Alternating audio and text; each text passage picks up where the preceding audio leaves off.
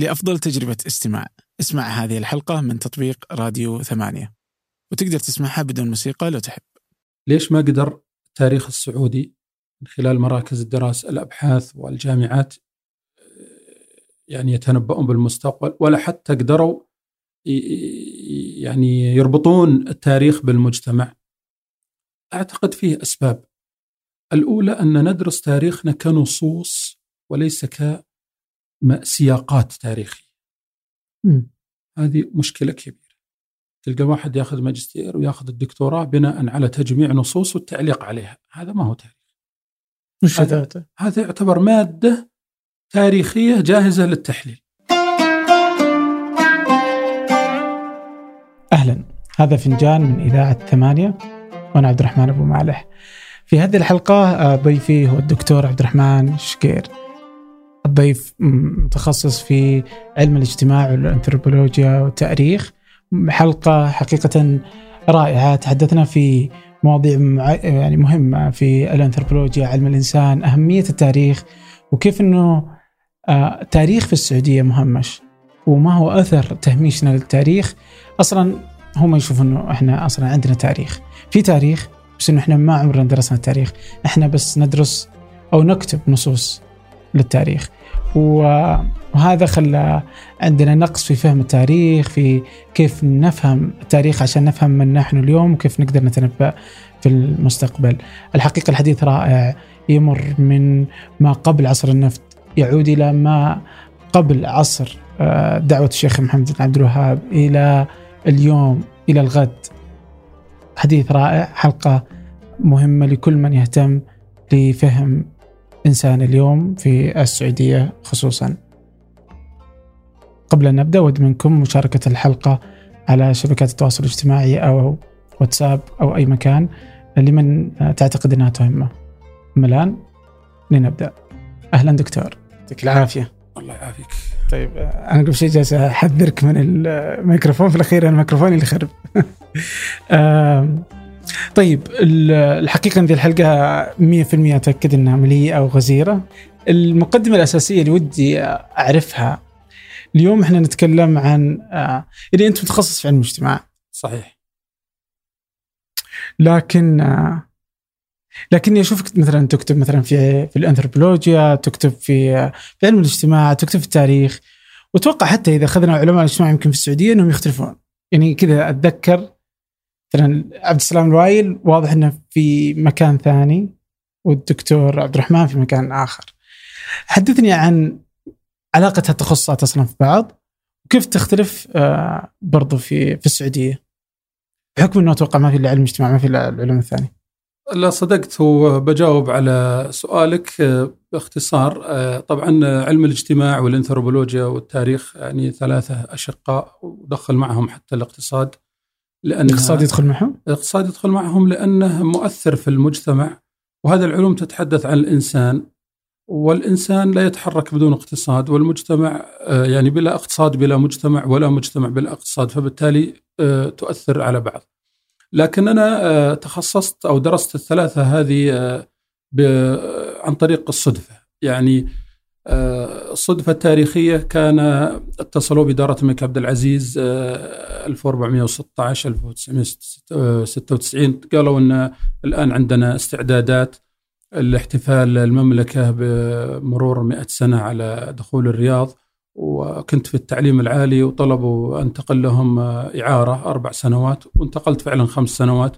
فكانت فرصة يعني عظيمة جدا لي أني أبلور نفسي ميدانيا وعمليا وعلميا في إدارة الملك عبد العزيز وفي الأمانة العامة للاحتفال هذه يمكن هي المرحلة اللي عرفت فيها كمؤرخ وهي اللي صدر لي فيها أول كتاب حققته اسمه الخبر والعيان في تاريخ نجد مؤلفة خالد الفرج وكانت يعني مخطوطة مفقودة ولقيتها بالصدفة واشتغلت عليها ونشرت عام 2000 هنا عرفت يعني إني مؤرخ آه بعدها حبيت إني أدرس آه تاريخ ولا أتيح لي إلا علم اجتماع بحكم إنه التخصص الأكاديمي الأقرب. دقيقة أنت وقتها كنت دكتور علم اجتماع؟ لا وقتها ما كنت دكتور وقتها كنت بالثانوي بالثانوي؟ إي نعم أوه. لأني خ... توظفت أنا مبكر يعني فقلت بدرس فدرست فعلا الماجستير البكالوريوس علم اجتماع والماجستير أما الماجستير والدكتوراه أخذتها من جامعة الملك سعود علم اجتماع أيضا. وأعجبني هذا المسار وعرفت فيه النظريات الاجتماعية النظريات الكبرى والنظريات الصغرى وكيف تفسر المجتمع وكيف تفهمه وكيف تقوم بعمليات إصلاحه. وكثير من هذه النظريات لا تشتغل إلا بالتاريخ. فكل علماء الاجتماع المؤسسين القدامى والمعاصرين حتى لابد أن يكونون يكونوا يعني عندهم اطلاع واسع على فلسفة التاريخ وليس نص التاريخ. هذه استهوتني وعادتني للتاريخ مرة ثانية أدرسه بشكل جديد وبرؤية جديدة وبزوايا مختلفة. والحمد لله توصلت إلى نتائج إن شاء الله بعد شوي نتحدث عنها. أما الأنثروبولوجيا فاستهواني لجانبين، اولا طبعا الأنثروبولوجيا ما كانت تدرس في السعودية وسعد الصويان تحدث للإعلام وتحدث لي شخصيا لأنه درسني في الماجستير أن أن حاول يوم كان رئيس قسم الاجتماع أنه ينشئ مسار الانثروبولوجيا بدل مسار الخدمة الاجتماعية. وقوبل يعني معارضة شديدة على أساس ذيك الأيام كان الأنثروبولوجيا مرتبطة بالنظريات التطورية و يعني كانت مصادمة للدين أكثر نظرياتها. الواقع أن الأنثروبولوجيا كانت تدرس الإنسان القديم ثم تطورت الآن وصارت تدرس الإنسان الحديث وتدرس الحياة اليومية اليوم. فأنا ما لقيت أنثروبولوجيين في السعودية يدرسون الأنثروبولوجيا الثقافية خلينا نسميها وهي اسمها كذا. على ضوء ذلك اشتغلت على مجموعة مقالات شبه علمية هي موثقة وفيها تتبع وطلعتها بعنوان الذاكرة الشعبية وأقرب ما لها هي ماذا حدث للسعوديين خلال 100 سنة. القهوة من 100 سنة إلى 2020 كيف كانت وين صارت النخلة جبت قضايا يعني يمكن 18 قضية ودرستها. يعني هذه الصدف اللي قادتني أشتغل على الثلاثة مسارات كلها، أما التخصص الأكاديمي اللي أمارس فيه في التدريس الجامعي أو في البحث الأغراض الترقية هذه كلها في علم اجتماع فقط. علم اجتماع. نعم. ليه؟ لأن هذا هو تخصصي الأساسي وهو اللي المسار الأكاديمي دائما أكثر انضباطية من الباحث الحر، أنا انثروبولوجيا وتاريخيا أنا باحث حر. أكتب اللي أبي وأشتغل على اللي أبي بنظريات علم اجتماع. بس اكاديميا اكاديميا اكاديميا ملتزم بالدراسات الاجتماعية وبرضو عندنا همومنا في علم الاجتماع يعني حتى تو انت تفضلت وقلت المتخصصين مختلفين ومدارس. والله صحيح هم مدارس وليتهم مدارس. لا هم مختلفين بلا مدارس. يمكن تفضلت بذكر الدكتور عبد السلام الوايل. فعلا يعني هو من أساتذة علم الاجتماع المنضبطين الممارسين للمهنة بشكل ممتاز المطلع على مستجدات العلم ويمكن ساعده تخصصه الدقيق اللي هو علم اجتماع العلم في يعني تمكنه من رؤية ممتازة للمجتمع. أنا قريب منها أنا تخصصي علم اجتماع المعرفة.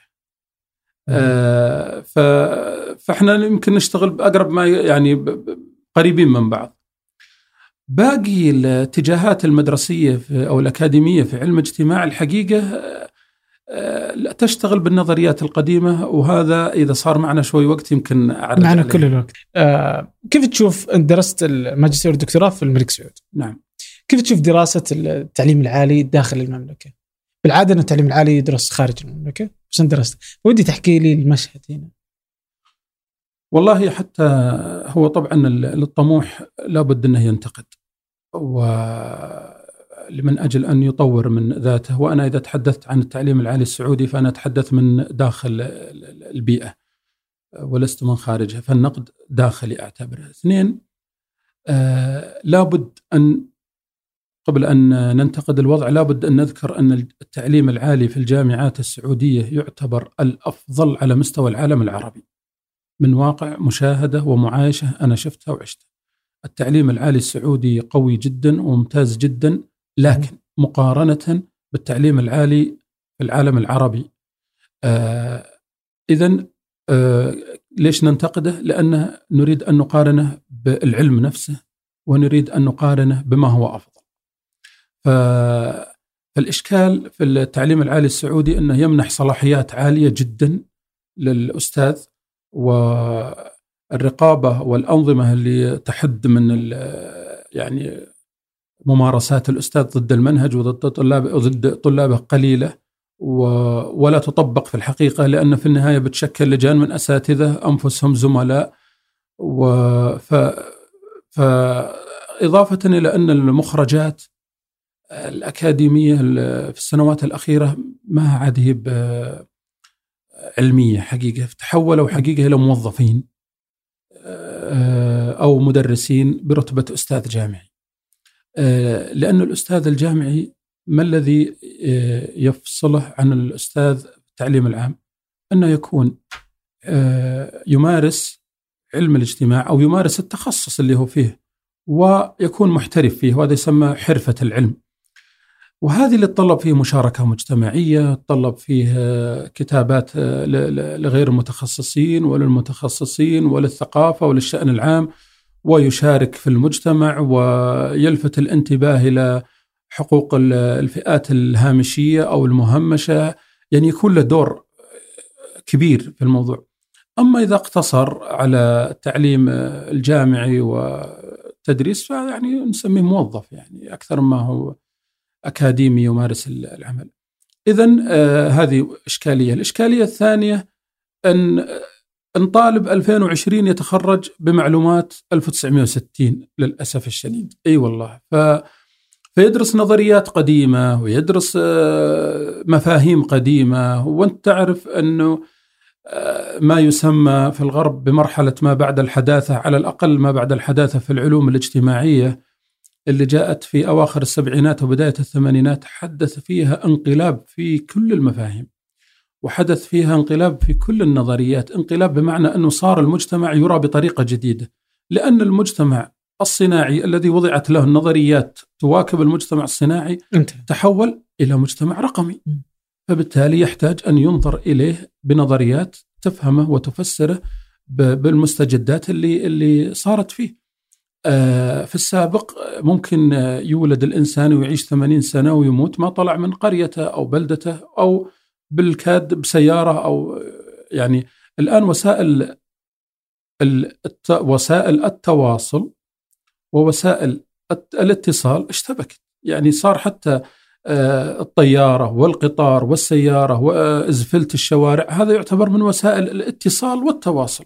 لأنها قاربت بين الناس وعندما يتقارب الناس تتقارب الأفكار وعندما تتقارب الأفكار يبدأ الواحد يعني آه، يراجع منظومته القيمية في مجتمعه وتبدأ تنتشر أفكار جديدة في المجتمع على هذا الأساس. طيب لما انت تقول إنه تدرسون شيء عام 1960 زي إيش؟ وش اللي باقي يدرسونه الحين؟ مثلا آه علم الاجتماع يقوم على شيئين على النظرية والمنهج. وما عداه فروع لعلم الاجتماع. آه، عندما يكلف طالب و أو طالبة في دراسة ماجستير ودكتوراه يطلب منه أنه يح...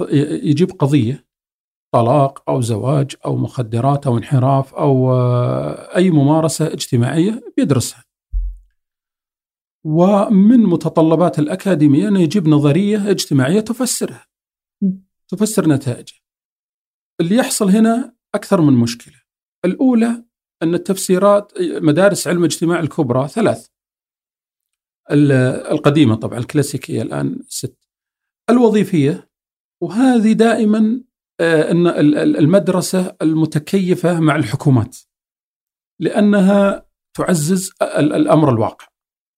وتؤمن أن المجتمع طبعا عندها فكر فلسفي ما هو سهل لكنها تؤمن أيضا أن المجتمع الأصل فيه التجانس والتماسك باختصار مثل حديث الرسول صلى الله عليه وسلم إن آه، مثل المؤمنين في تودهم مرات رحم مثل الجسد الواحد إذا اشتكى منه تداعى له سائر الجسد بالحم هذه النظرية الوظيفية اللي تقول ترى المجتمع متماسك وإن جاء مشكلة فهي مؤقتة وجزئية وبيرجع يتماسك مرة ثانية.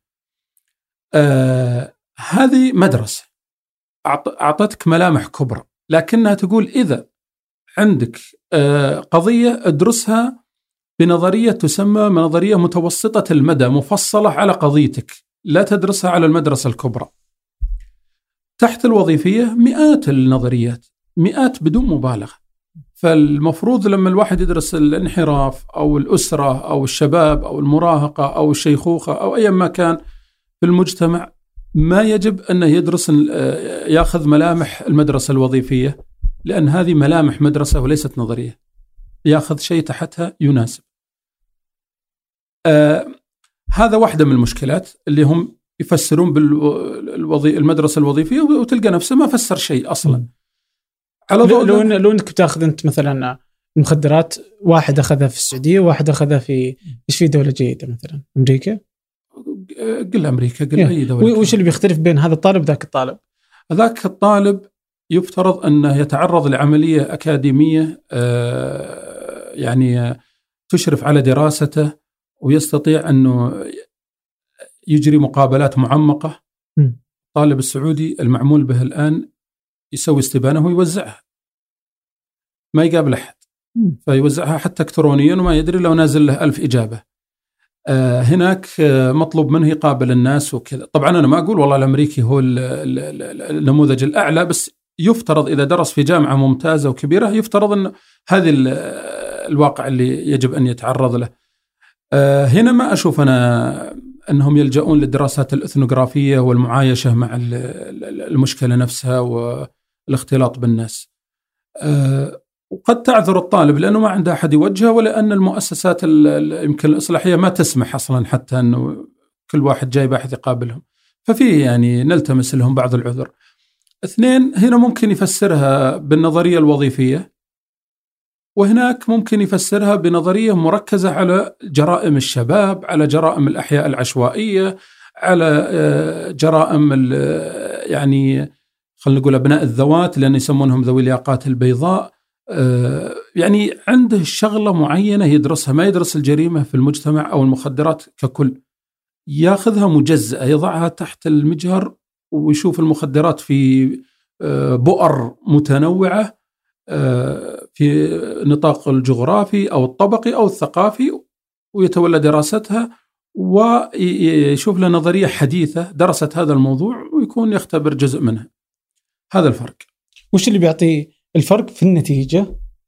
إحنا أخذنا الفرق في الطريقة. إيه؟ ودي الفرق في النتيجة بين بحث في السعودية وبحث في الباحث اللي أجري في جامعة أمريكية يجب أن يقدم نصيحة أو توصية لصانع القرار قابلة للتطبيق لأنها ناتجة من واقع وهذا الواقع آني. فهو نقل الواقع على الورق وهو الأقدر على تقديم النصح ماذا يجب. هنا درس ظاهرة عامة فما قدامه إلا انه يعطيني توصيات عامة. ولا قدامه إلا أنه أصلا يطلع بنتائج عامة مثل يعني النتيجة اللي يطلعون بها كل الناس ضعف الوازع الديني ولا كذا. لا أنت لازم تدرس جزئية محددة عشان تعطيني سببها ونتيجتها وتقدم لي توصية. فهنا خسرت الجامعات يعني توصيات ممتازة في رسائل كثيرة بسبب عموميات دراسة القضايا. واليوم أنت دكتور أستاذ مساعد أستاذ إيه في الجامعة. إيش إيش؟ أنا في جامعة نايف العربية العلوم الأمنية. أستاذ في علم الوقاية من الجريمة. ومدير مركز البحوث الأمنية في الجامعة. okay. أنا جاي بقول هل تشرف على يعني جاي بحط اللوم عليكم أنتم إيه. أنتم اليوم دكاترة إيه. تقدر تقول لي إنه هذا صح وهذا خطأ هذا صح وهذا خطأ وهذاك ما يصير وإحنا وضعنا سيء يعني ما أتذكر إني قد سولفت مع أي دكتور في السعودية كل إنه كل يشتكي يقول ما هو الوضع حقنا مو بزين لأن طيب وأنت في يدك المشكلة بس إنه أنت في يدك القراء أنت يمديك ليش ما تصلحونها؟ الجامعة نايف آه، تمتلك أدوات الإصلاح لسببين، اولا أنها جامعة صغيرة عدد طلابها يقاس بالمئات 300 400 500 يعني في اليد ما هي جامعة ضخمة بالآلاف. هذه واحدة، اثنين موضوعها واحد الأمن. لكن ميزته الأمن في كل شيء. أمن اقتصادي، أمن غذائي، أمن ليس الأمن الصلب وإنما الأمن الناعم السائل اللي موجود في كل شيء في الحياة. فبالتالي يفترض يفترض أن تكون رسائلهم من أجود الرسائل. وهذا ما تحقق الحقيقة، كل من يعرفون الرسائل القديمة في الجامعة يعرفون أنها يعني آه، تتعب عشان تقول لقيت رسالة حلوة. لكن الجامعة يعني وفقت برئيس جديد جاء من سنتين جاي برؤية جديدة وجاي يعني حزمة إصلاحات متكاملة فأحدها تطوير الدراسات العليا في الجامعة. ممتاز. آه ذكرت أنت قبل شوي إنه إنه ما كان عندنا أتوقع إلى الآن ما عندنا قسم انثروبولوجيا يدرس في المملكة كلها. بحسب أه؟ علمي لا يوجد لكن أعتقد إن فيه مقررات آه، منغرسة في بعض آه، أقسام علم الاجتماع هو مقرر يدرس لفصل دراسي واحد أنا من الناس اللي درست مقرر الأنثروبولوجيا لكن زي ما قلت لك الأنثروبولوجيا حقت القرن التاسع عشر الأنثروبولوجيا اليوم تدرس الإنسان المعاصر حتى وهذا اللي نحتاجه حقيقة.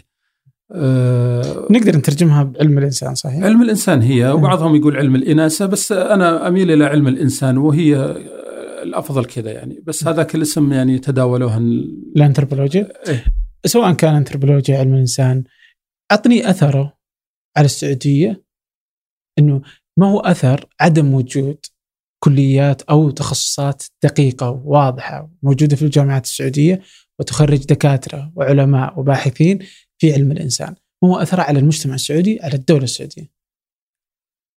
والله عدم تدريسه بلا شك آه، يعني أفقدنا أو أفقد الدولة مكاسب كثيرة. لأن كثير من القضايا آه، كان يمكن آه، أن تحل بنظريات الأنثروبولوجيا. والأنثروبولوجيا يعني بالمناسبة هو العلم الوحيد الذي لم يخرج من البيئة الأكاديمية وإنما خرج من البيئة الاستخباراتية.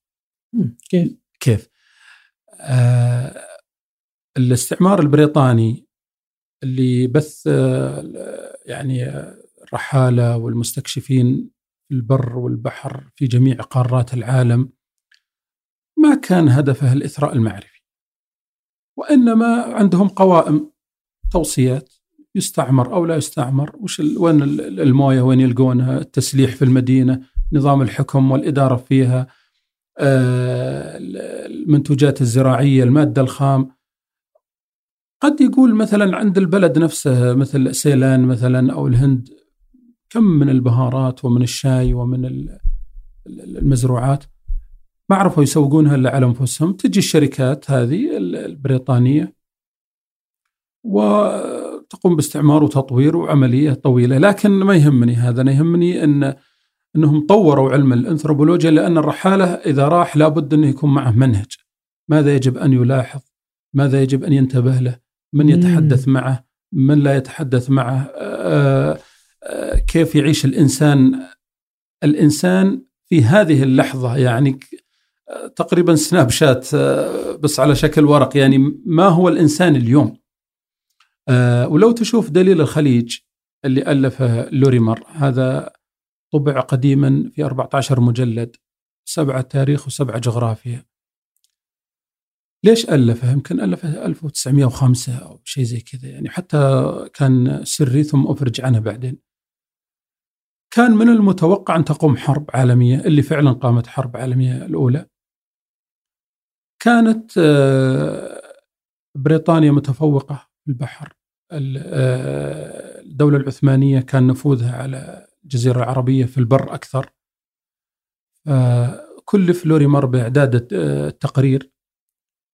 وجاب ما أدري يمكن لو أقول آلاف يمكن أكون يعني قريب من العدد لكن خل أقول مئات عشان ما أبالغ. مئات القرى في الجزيرة العربية يعني داخل في ذلك العراق واليمن ومنطقة عربستان يعني الأحواز داخلة فيها. يتكلم كأن عنده ابلكيشن أو قالب يعبي. من سكانها؟ التركيبة السكانية تتكون من من؟ كيف ينظرون لبعضهم البعض؟ الإدارة المحلية للإمارة في من؟ التسليح آه، الماشية الممتلكات المياه آه، وفرتها آه، ولائهم السياسي لمن؟ ومثل الجغرافي والتاريخي يعني. هذا الدليل اللي استعانت به بريطانيا. وهي اللي خلت بريطانيا توسع نفوذها في الخليج والجزيرة في الاستعمار وهذا. فالشاهد أن هذا العلم طلع بعدين وراح للجامعات. لأنه صار علم متكامل له مفاهيم ونظريات ومنهجية. ف... فمن هنا أقول لك أن الدول محتاجته كما كانت محتاجته قبل 500 سنة فهي محتاجته اليوم أيضا ودائما لأنه يدرس الإنسان الواقع دراسة على الهواء مباشرة.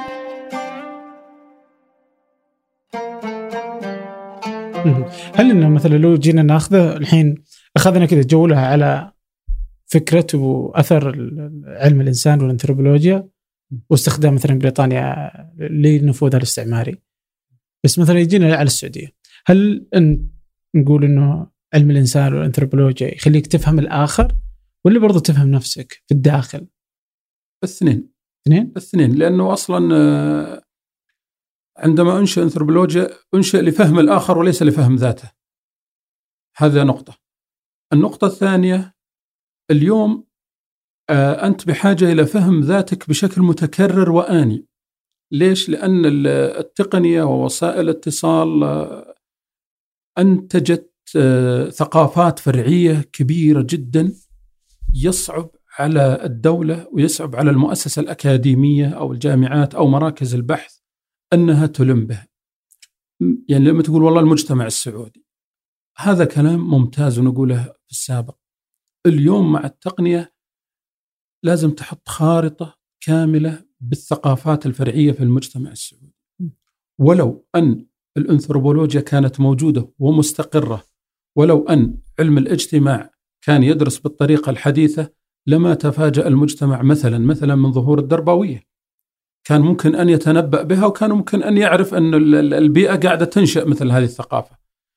آه، اليوم طلع جماعات أول كان في جماعة رسمية أو جماعة معارضة للرسمية، اليوم طلع جماعات شبه رسمية. لا هي رسمية ولا هي معارضة. كيف عندهم رموز، عندهم مصطلحات خاصة فيهم، عندهم جمهور، عندهم مواقع على تواصل على الإنترنت يقدرون يوصلون فكرة. شغل مؤسسي لكنه ليس مؤسسا ليش؟ ما فهمت. مثل الدربوية الآن. أوه. مثلا كان في السابق جماعة المفحطين المراكز الصيفية ممكن جماعة الشيلات أو الشعر الشعبي ممكن هذه كلها من تشوف لهم رموز ومصطلحات متعارف عليها بينهم وأدبيات خاصة فيهم ولهم مواقع تواصل وعندهم فكرة بيوصلونها فأنت أمام جماعة شبه رسمية لابد أن يجمعها الأنثروبولوجي والاجتماعي ولابد أن لأنها بتساعدك في التنبؤ بالقادم. طيب لو اليوم نبغى نقرأ وش في شيء مثلا ممكن يصير في القادم؟ كذا من الأشياء اللي تقراها على السطح. والله مهما بذلنا من جهد فانا بنرجع لما قاله الفلاسفة وما قاله قبل ابن خلدون. لازم تعرف التاريخ ثم تعرف واقعك. بكل سهولة سوف تتنبأ. لأن التاريخ يوجد في داخله آه، يتحرك بقوانين اجتماعية واقتصادية. طيب ليش ما قدر التاريخ السعودي من خلال مراكز الدراسة الأبحاث والجامعات يعني يتنبؤون بالمستقبل ولا حتى قدروا يعني يربطون التاريخ بالمجتمع. أعتقد فيه أسباب. الأولى أن ندرس تاريخنا كنصوص وليس كسياقات تاريخية. م. هذه مشكلة كبيرة. تلقى واحد ياخذ ماجستير وياخذ الدكتوراه بناء على تجميع نصوص والتعليق عليها. هذا ما هو تاريخ. مش هذا هذا يعتبر مادة تاريخية جاهزة للتحليل لأنك إذا ما وضعتها في سياق مختلف وإذا ما ساعدتني آه، الالتقاطات اللي تلتقطها من الأحداث في فهم ما هو ما أنا عليه اليوم فأنت ما قدمت لي شيء. هنا أقدر أتنبأ من خلال القوانين يعني السابقة والموجود منها. ليش؟ لأن بعض الفلاسفة ومنهم بيير بورديو يقول في نظرية اسمها هو سواها إعادة الإنتاج. أن المجتمع من مئات وآلاف السنين يعيد إنتاج نفسه. تتغير القبعات تتغير الأشكال تتغير الألفاظ والمفاهيم لكن الجوهر واحد. على الباحث الاجتماعي والمؤرخ أنه يلتقط الجوهر لا يلتقط القبعة ولا يلتقط الأحداث ولا يلتقط الأجندات والإيديولوجيات اللي داخل آه، يعني عملية تاريخ طيب آه اليوم مثلا إحنا فاهمين التاريخ خطأ في السعودية؟ علميا؟ صحيح نعم فاهمين التاريخ خطأ اليوم. والسبب هو ما قلته قبل قليل. والحل؟ الحل آه والله لابد أول شيء من حزمة حلول مو بحل لكن أحدها لابد يلزم المؤرخ أن يدرس الاقتصاد وعلم الاجتماع والفلسفة. يدرس نظرياتهم ومفاهيمهم الأساسية لازم يعرفها. آه، فلسفة التاريخ لازم تكون مقرر أساسي في الجامعات. آه، عندما نقول آه، نراجع التاريخ نعيد قراءة التاريخ فإحنا نعيد قراءة النصوص وللأسف وإنما نكرس ما تم تداوله في السابق. أنا نشرت مقالة الصحيفة وطورتها في كتاب الذاكرة الاجتماعية والآن أطورها أكثر. قلت فيها أن تاريخنا السعودي يستلهم خبراته من 600 سنة. التاريخ السعودي آه، توقف كثيرا عند ظهور دعوة الشيخ محمد عبد الوهاب. وهذا جيد ومهم ودعوة محمد عبد الوهاب كانت تنويرية إسلامية لا أحد يشك فيها. آه، لكن المؤرخين اللي جو الدولة السعودية الأولى وأقصد آه، ابن غنام وبعدها بن بشر لو تقرأ تاريخهم وأنا قريتها تلاحظ أنهم مؤرخين للدعوة. وليسوا مؤرخين للدولة. فكان تاريخهم لدعوة الشيخ محمد عبد الوهاب رحمه الله وليست للدولة السعودية الأولى. وبالتالي رأوا التاريخ من منظور ديني.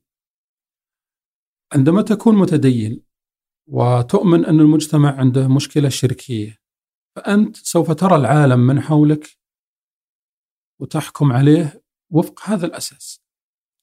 نعم موجود حالات شركية لكن رؤيتك للتاريخ منظور ديني ورغبتك في تعزيز فكرتك خلوا الفكرة عامة على أن الشرك عام. وهذا نوع من الاعتداء على التاريخ من زاويتين. الزاوية الأولى أقدر أسميها العنف الرمزي التاريخي. العنف الرمزي استخدمت في نظريات التربية والتعليم لكن يجوز استخدامها في التاريخ والآن لازلت أطور في مفهومها أنه كيف توجد معلومة داخل المجتمع. يؤمن بها جميع الأطراف حتى اللي يعني قالها يمكن ما يقصد المعنى والبعد اللي راحت له واللي تلقوها ما يقصدون. فصارت حقيقة تاريخية وصاروا المؤرخين المعاصرين إما أن يثبتون الشرك أو ينفون الشرك والمفروض إن ما ندخل في مرحلة نفي، ندرس السياق كله ثم النتيجة بتجي تلقائية من ذاتها. ثانيا آه إذا وجد شرك تلغيه وانتهى المسألة، يطلع بعدها أجيال آه بالمبدأ اللي يعني أنت غرستهم عليه. المجتمع يدرس قيميا واخلاقيا. هذه اللي تمشي معك جاية من ألف سنة ورايحة معك الألف سنة قدام. آه، عندما وصم المجتمع بأنه في شرك والشرك منتشر تحمس بعض المؤرخين ويعني حطه مجتمع بلا أخلاق. الكل يأكل الكل والكل يظلم الكل وهذا مو بصحيح. فطيب عشان أثبت أنا أنه مو بصحيح سويت آه، دراسة طويلة لكن برجع بس الجزئية بسيطة. عن النقطة هذه. الدولة السعودية كانوا آل سعود موجودين من عام 850 كانوا لما وجدوا ما وجدوا كإمارات محلية. وللأسف الشديد المؤرخين درسوا تاريخ الدولة السعودية وفق ما غرسه ابن غنام لهم. اللي هو إمارات محلية يعني آه، ولا بدأوا يبرزون إلا مع الدعوة محمد بن عبد الوهاب رحمه الله. والواقع أن تاريخ آل سعود من سنة 850 إلى تاريخ المبايعة 1157 موجود فيه مؤسسة عسكرية موجود مؤسسة دينية تتمثل في المؤسسة العسكرية اللي في جيش الدرعية اللي يقاتل ويغزو ويغزى ويعني هذه مؤسسة عسكرية مؤسسة سياسية فيها أمراء وفيها تسلسل حكم منضبط ومعروف. وفيها أيضا مؤسسة دينية فيها مساجد وفيها علماء وفيها دروس وفيها مؤلفات وفيها وفيها مؤسسة اقتصادية اللي هي السوق الرئيسي ويتبادل البضائع مع البلدان المحيطة به. أنت تتحدث يعني عن دولة متكاملة الأركان. لا تختلف أبدا عن الدولة السعودية الأولى والثانية.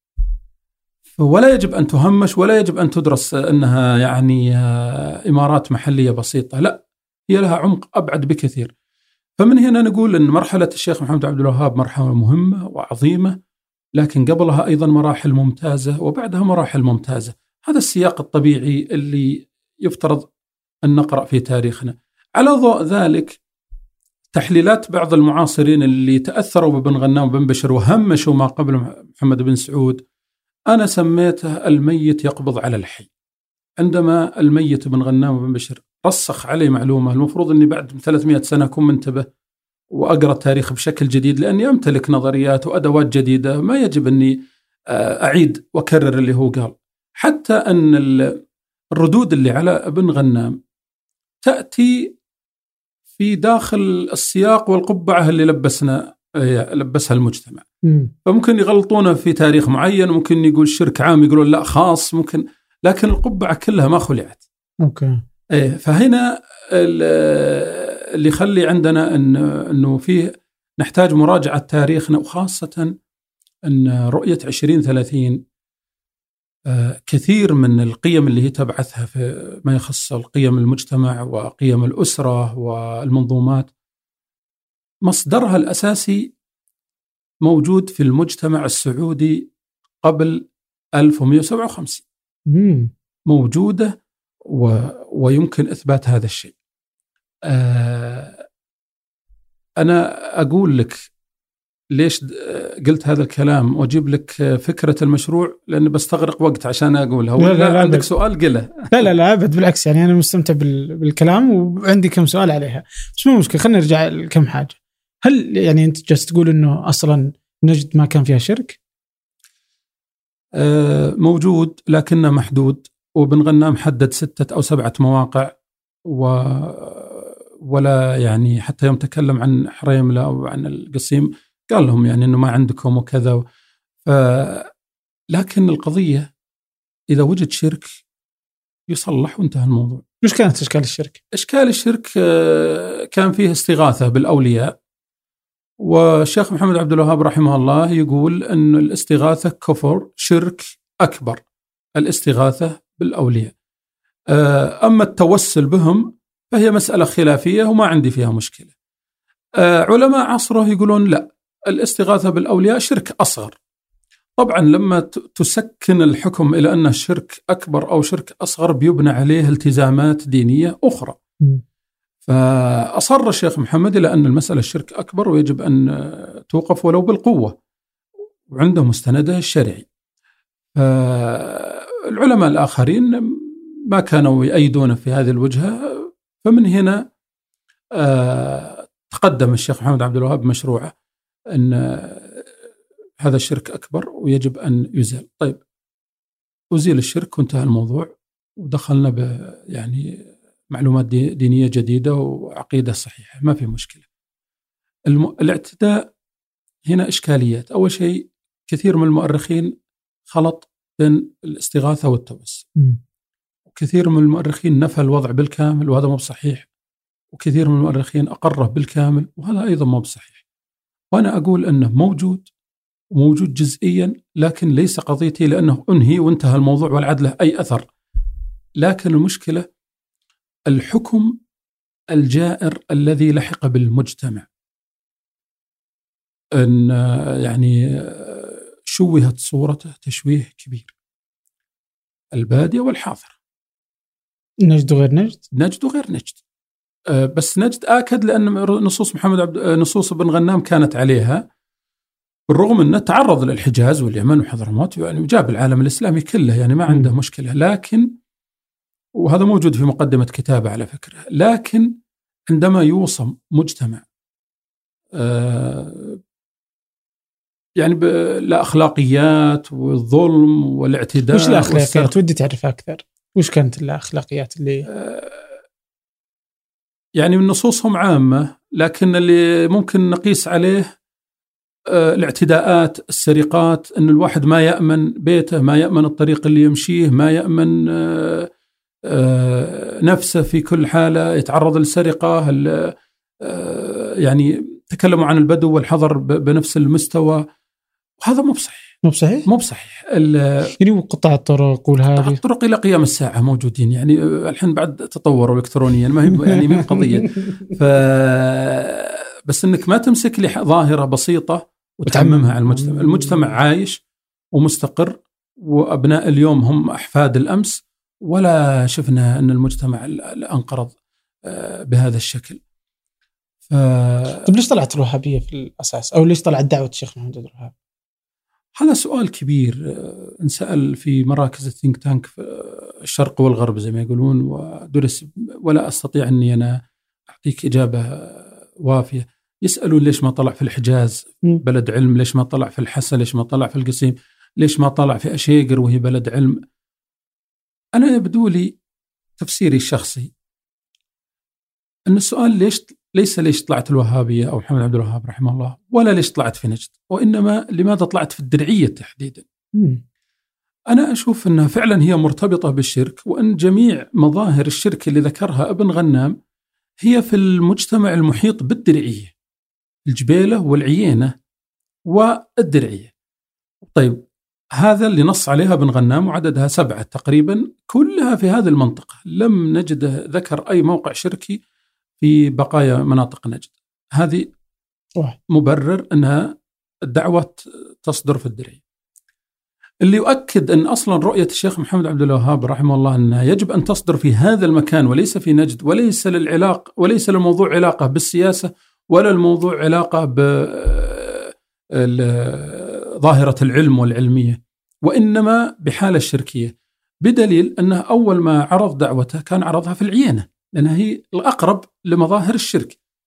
وأمير العينة رفض يستقبل أو رفض يتبنى الدعوة وين راح؟ راح الجارة في الدرعية. فإذا محيطة لا يمكن يطلع محمد عبد الوهاب من هذا المحيط لأن هذا لابد قوة سياسية في داخل البؤرة الشركية هو اللي يقضي عليها. فكان أقوى أميرين ذاك الوقت أمير العينة وأمير الدرعية فهذا تفسيري أنه لماذا خرجت؟ بعدها عاد طبعا يعني توسعت. طيب. إنه فهمنا للتاريخ من خلال منظور بن غنام وما كتبه آه وكيف أثر على المؤرخين فيما بعد. في انهم ينظرون للتاريخ من هالمنطلق لا من شكل آخر. إيش اللي خلى إنه فعلا إنه هذا يثبت؟ إنه الناس تنظر له من هذا المكان وما يبدون يشككون في آه أو يأخذون شكل آخر له. والله أحيانا آه، إذا تكاملت المعلومات عن ظاهرة معينة يتم تبني هذه المعلومات وهذه المعلومات تكون مغلفة بتفسير معين التاريخ يقرأ من منظور ديني وهذه مدرسة تاريخية ليس ابن غنام مبتدعها ولا شيء وإنما رأى الموضوع كذا وفي مؤرخين قبله شافوا يرون في كل الأديان ترى رؤية التاريخ من منظور ديني. بعضهم يقول لا التاريخ أصلا يتحرك من بالاقتصاد وليس بالدين. بعضهم يقول لا بالقيم. حتى ماكس فيبر يوم كتب البروتستانتية والأخلاق الرأسمالية كان يقول الرأسمالية أصلا طلعت من قيم دينية بروتستانتية وليست كاثوليكية. ف... لكنه داعمها بفلسفة. إيه هنا آه، نصوص ولا ما دعمتها فلسفة. آه فبالتالي آه يعني إحنا عندنا ازمه النصوص من أي زمان. إحنا إحنا التاريخ يتم لا نزل نتداول نصوص تاريخية بيننا. وبين الحكواتية شعرة اللهم أن النصوص تجي بشكل مغلف ومنهجي اللي هي في النهاية جوهرها نصوص ويتم التعليق عليها، أنت إذا جبت نص وعلقت عليه ذا زين ذا مو بزين ذا يمين ذا يسار هذا أنت ما, ما, ما تمارس حالة تاريخية ولا فلسفة تاريخ. أنت راوي. إذا وجدت وثيقة نادرة إذا وجدت نص عظيم أنت أعطينا مادة تاريخية جاهزة للدراسة. م. فهذه مشكلة إن الكثير من الأطروحات والكتب حتى المسافة بين الهواة تاريخ والمحترفين أو الأكاديميين تداخلت بسبب انه نص وعلق عليه.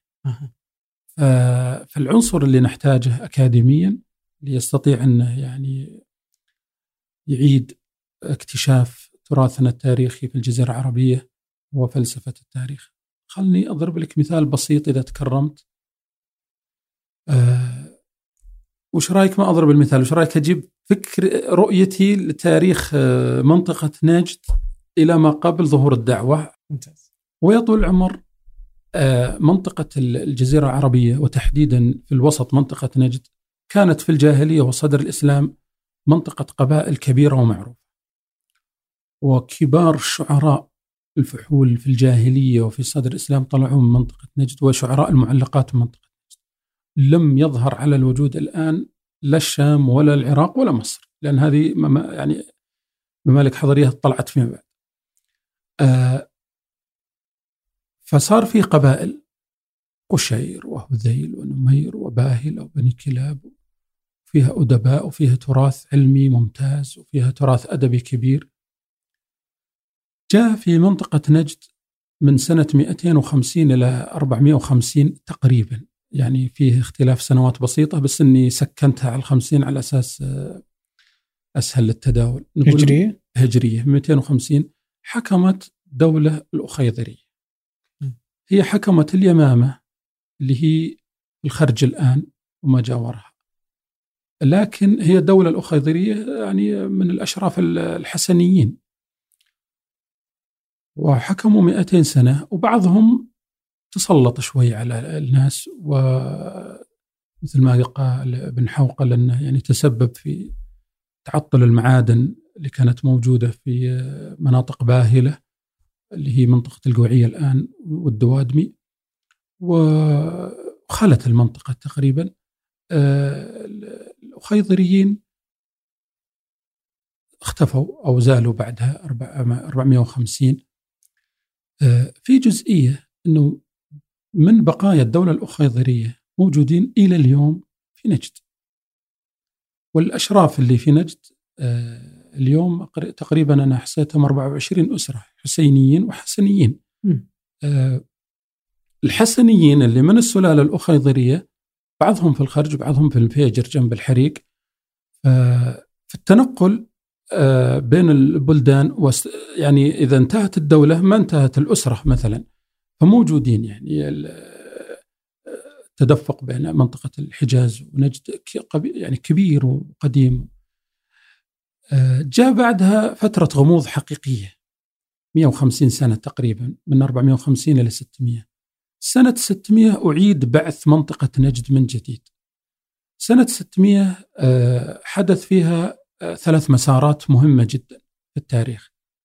المسار الأول على مدى 300 سنة بني أكثر من 40 بلد في نجد. دائما تقول بنيت بلدة كذا بنيت بلدة حوطة سدير بنيت الجنوبية بنيت كذا. أعيد بناء شقرة أعيد بناء كذا. إما بناء أو إعادة بناء. فإذا هذا يدل على أن بعد ال- الهجرات اللي جت مع الخضريين بدأ يعود السكان ويبنون.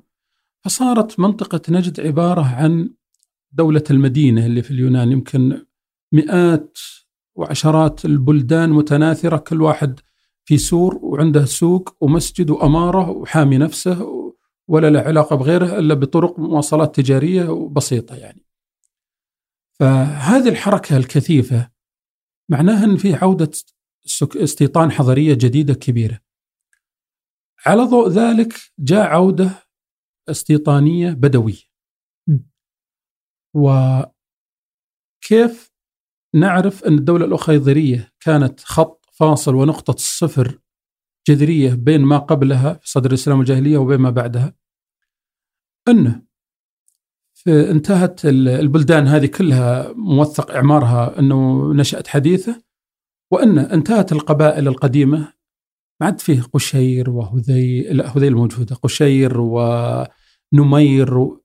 يمكن انغرسوا في القبائل الأخرى. طلع قبائل جديدة آه، باسم آه، زعب وبني لام وهذه آه، تحتها ثلاثة بطون الكثران والمغيرة والفضول كلهم من بني لام من طي. ثم استمروا تقريبا 200 300 سنة ثم أيضا ذابوا في المجتمع أو رحلوا للعراق ومناطق الأحواز.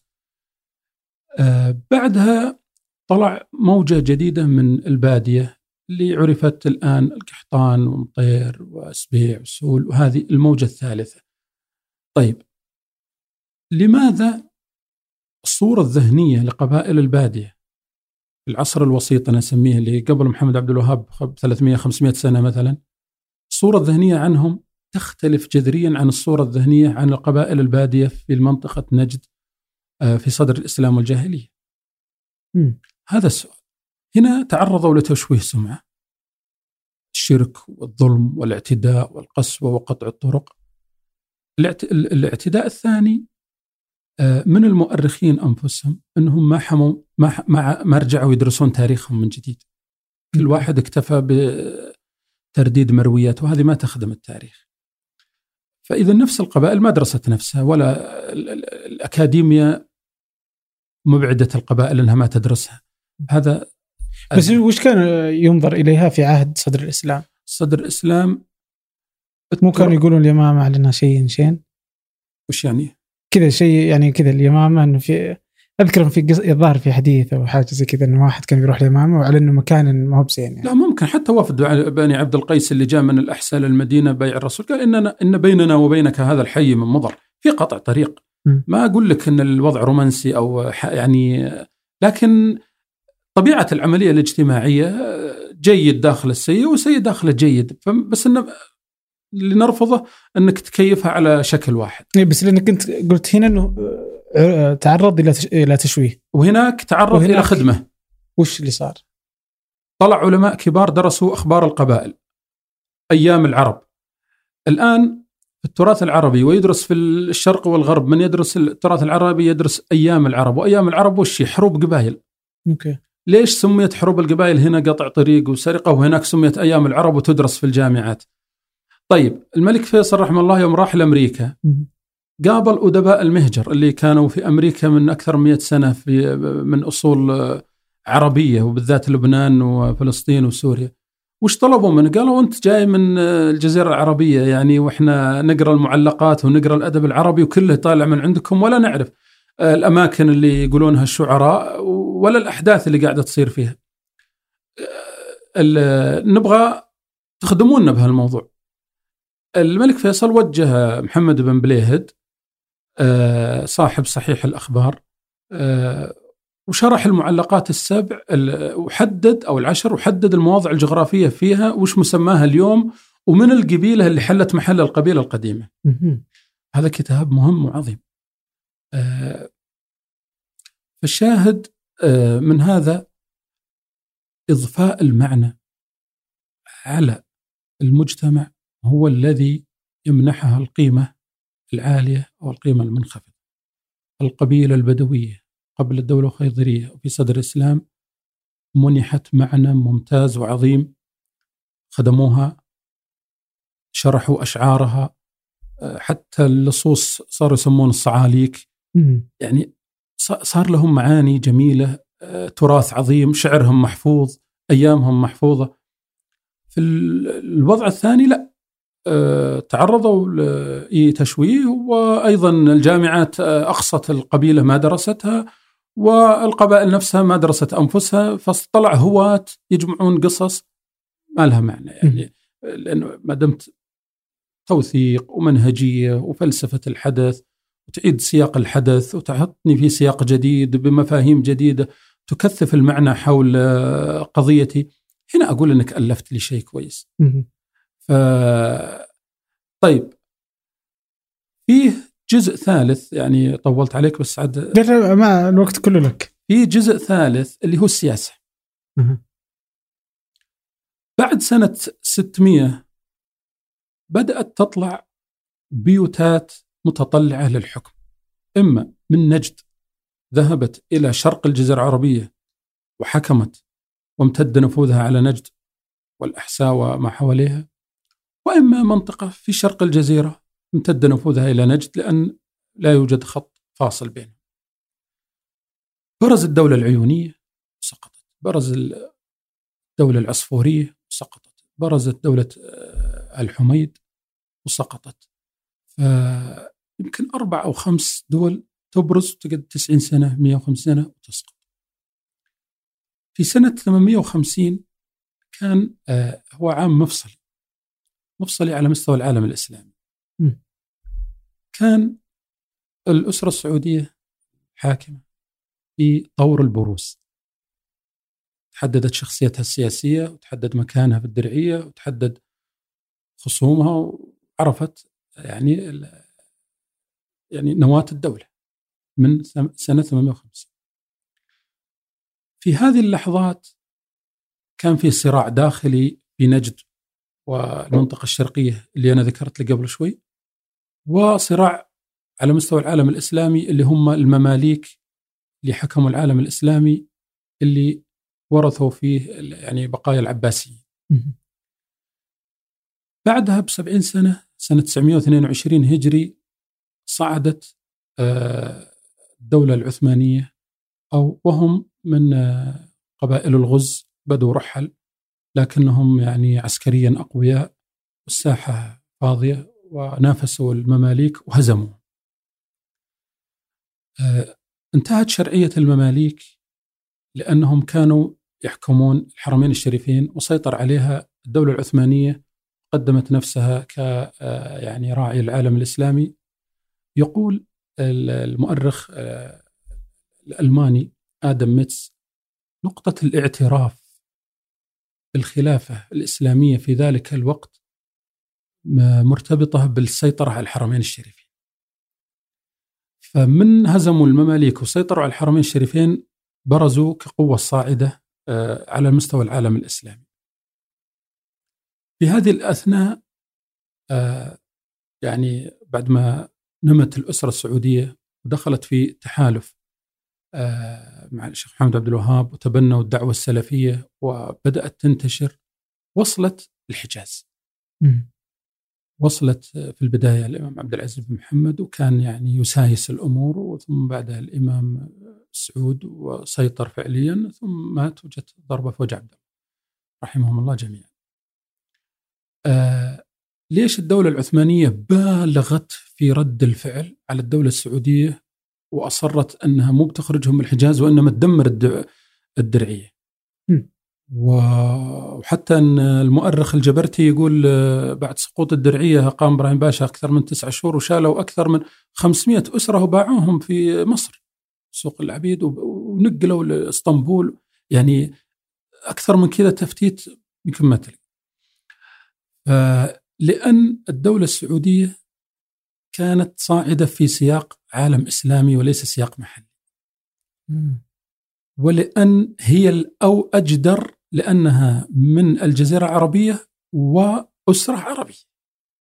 على من يقول الخلافة في العرب وكذا يعني.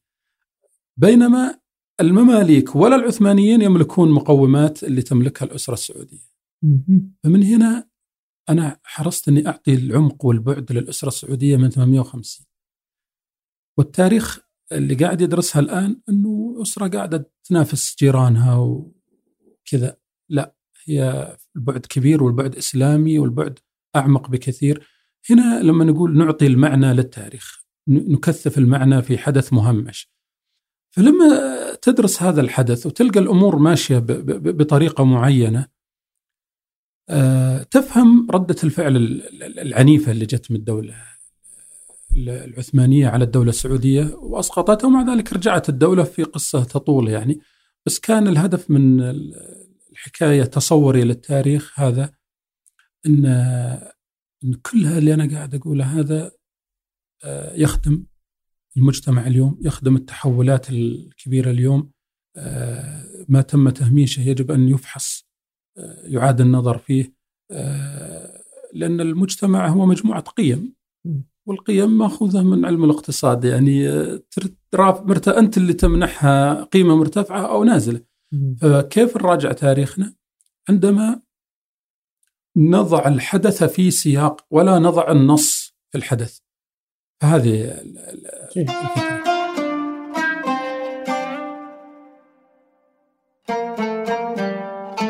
الفكرة. طيب في أكثر من نقطة صدق إنك ذكرتها. أحس ان يعني صحيح لي إذا فهمي كان خاطئ. انت ذكرت إنه أصلا من الأخطاء اللي صايرة إنه فهم إن الدولة السعودية قامت مع آه، دعوة الشيخ محمد بن الوهاب وإنما إنها هي كانت موجودة دولة قائمة قبل الدعوة صحيح؟ نعم. فإذا هل نقول إنه بعدين الحين أنت قعدت في قبل شوي فتقول إنه إن الدولة قامت من 850 اللي هي مع الدعوة؟ وفي سياق دولي وليس محلي. وهذا يرد على سؤالك أن مبايعة الدعوة معناها ليس معناها أن الدولة خلعت الثوب السياسي اللي ورث 300 سنة وتقمصت شيء جديد. لا هذا اللي قام به المؤرخ وليس السياسي. السياسي محافظ على إرثه السياسي. المؤرخ هو اللي همش ما قبله. فإحنا دورنا بعد إنه نعيد قراءة التاريخ برؤيتنا الجديدة. طيب ممتاز، في آخر شيء كذا على دعوة الشيخ محمد عبد الوهاب، أنت تقول إنها دعوة ذكورية. مع ذلك إنه نقدر نشوف إنه فيه في في في زمن الصحوة إنه فيه داعيات سلفيات. كيف هذا؟ المجتمع العربي عموما ذكوري عشان بس ما نحطه بالدعوة، لكن أنا سؤالي عن الذكورية يبدو لي أنها جاية قريبة من الصحوة وليس من الدعوة القديمة لاحظت أن الخطاب الدعوي في الصحوة كان يؤكد ويشدد على أن صوت المرأة عورة وهذا موجود وطلع فيها كتيب حتى وفي فتاوى قالت هذا الشيء. يعني ما هي شيء مخفي وإحنا عشناه بعد. وفي آخر المراحل بدأ يطلع داعيات. داعيات في ال social media يعني آه، يبثون لملايين الناس ويطلعون في الإذاعة لأن الفكرة الأولى وبعض الفتاوى اللي أنا شفتها أنه هل يجوز المرأة أن تكون داعية على بنات جنسها؟ يقول نعم يجوز لكن لما كانت على بنات جنسها ثم طلعت على في ال في ال الإذاعة الصوت بدون صورة ثم طلعت في وسائل التواصل آه، مثل السناب اللي تقدم صوت بدون صورة وأكثر من واحدة هنا إحنا أمام ظاهرة جديدة. آه الخطاب الذكوري في الدعوة كيف تقبل أنه يدخل خطاب نسوي. النسوية الإسلامية أقصد وليس النسوية الليبرالية. آه هنا اشتغلت على موضوع وطلعت كتاب قبل ثلاث سنوات ما سميته الداعيات عشان ما ياخذ يعني آه، اسم شعبي كبير سميتها النخب النسائية الإسلامية. ودرست فيه ظاهرة المرأة الداعية من قديم آه، إلى أن وصلت آه، يعني الداعيات الحالية. فلقيت فيه مسارين لعو يعني إسلاميين لعودة المرأة للواجهة. الأولى الصحوة في أواخرها بدأت تمنح الفرصة كاملة للمرأة أنها تخرج و... ولا قدامها تبرر ما قدامها إلا أنها تتغاضى أو تقول لا ما قلنا أو يعني هذا معروف. آه لأن ضد المبادئ اللي أعلنت عنها في بداية الصحوة ووسطها اثنين الجماعات الجهادية آه أعادوا بالذات داعش. يعني ترى القاعدة مقصين المرأة. داعش هم اللي أعادوا المرأة للواجهة. حتى مجلة دابق اللي يصدرونها داعش في فصل دائما يجيب آه، صحابيات ونساء من شاركوا في الجهاد تحديدا في الجهاد ما يهمه اللي شاركت في العلم ولا اللي شاركت في الطب اللي شاركت في الجهاد وفعلا استطاع خطاب داعش أن يستقطب نساء سعوديات وعربيات من أنحاء العالم العربي ويلتحقوا بهم. فكان هذا يعني هو هو مجرد تساؤل وإبداء ملاحظة أكثر من البحث عن إجابة. طيب عشان بكمل إثراء الحوار ودي أعرف آه، أنت ذكرت إنه إن السعودية والمجتمع السعودي من أشد المجتمعات آه، عرضة للتغيرات السريعة والعميقة. يعني لو تكلمني أكثر عن ذي الفكرة. المجتمع السعودي سبحان الله يعني أنا ملاحظ إنه جاذب لقنوات والصحف والجامعات والثينك تانك بالذات في أمريكا وأوروبا بشكل كبير جدا. يدرس بشكل مكثف. مرة كان في الصحوة والصحوة كانت عندها أجندة معينة ثم حدث تغيرات كبيرة من ناحية تمكين المرأة وإعادتها للواجهة و آه، المجال العام لها فبالتالي كل قرار أو إجراء يتخذ أنت أمام منظومة كاملة اجتماع من القيم الاجتماعية والاقتصادية اللي بتتغير. آه نعم آه وجود الأجهزة الكفية ساهمت في التغيير المجتمع نفسه هدف لكثير من الدول هدف للتأثير من ناحية اقتصادية مهم من ناحية مشاهدات مهم إذا كان العالم يقاس رقميا قديش قديش ناس يشوفونك قديش يسوون لك رتويت أو مشاركة أو تفضيل يعني رقميا تحدد آه، حجمك ومكانتك لأنها هي اللي بتحدد بعدين سعرك الاقتصادي إذا كنت معلن أو تبي تشارك في هذه. ف فمن هنا المجتمع السعودي فيه كثافة سكانية في قوة تأثير. آه، اللي لاحظته مثلا كان الشباب المصري هو اللي يقود الشباب العربي بالثيمات أو المصطلحات أو الأغنيات اللي سواء ترفع سابقا في المسلسلات والأفلام ثم صارت ترفع في اليوتيوب. بعد 2011 الشباب السعودي هيمن. صارت مصطلحات الشباب السعودي هي اللي متداولة عربيا. يعني إذا رحت لمصر ممكن تسمع يقول والله طير جبهته آه، جحفلة. هذه كلها طالعة من الشباب السعودي. وقدروا يسوقونها على مستوى العالم العربي وكانت متداولة. يسمونها السيطرة على الحياة اليومية. فإن يعني إذا كان عندك يعني قوة كبيرة اقتصادية اجتماعية مستقرة امنيا مستقرة اقتصاديا المجتمع إلى حد كبير متجانس أكثر الصراعات اللي تصير فيه كلامية يعني ما هي بدموية يعني. فمن هنا كل ما صار شيء جديد تقدر تقول المجتمع قبل كذا غير المجتمع بعد كذا. يعني أنت ذكرت الحين قبل شوي إنه يعني أنت الآن قرأت المشهد وقلت انه السعودية مثلا الشباب السعودي قادر على إنه يطلع الإفيهات ولا الكلمات اللي تطلع اشياء على مستوى الوطن العربي كله. بس ودي أعرف وش الأسباب يعني ما هي الدوافع يعني كذا لو ندخل كذا نقرأ المشهد ليش صار كذا؟ بطبيعة الحال في أسباب كثيرة ويمكن أنا أحط إيدي على سبب سببين آه، لكن ليست هي كل شيء.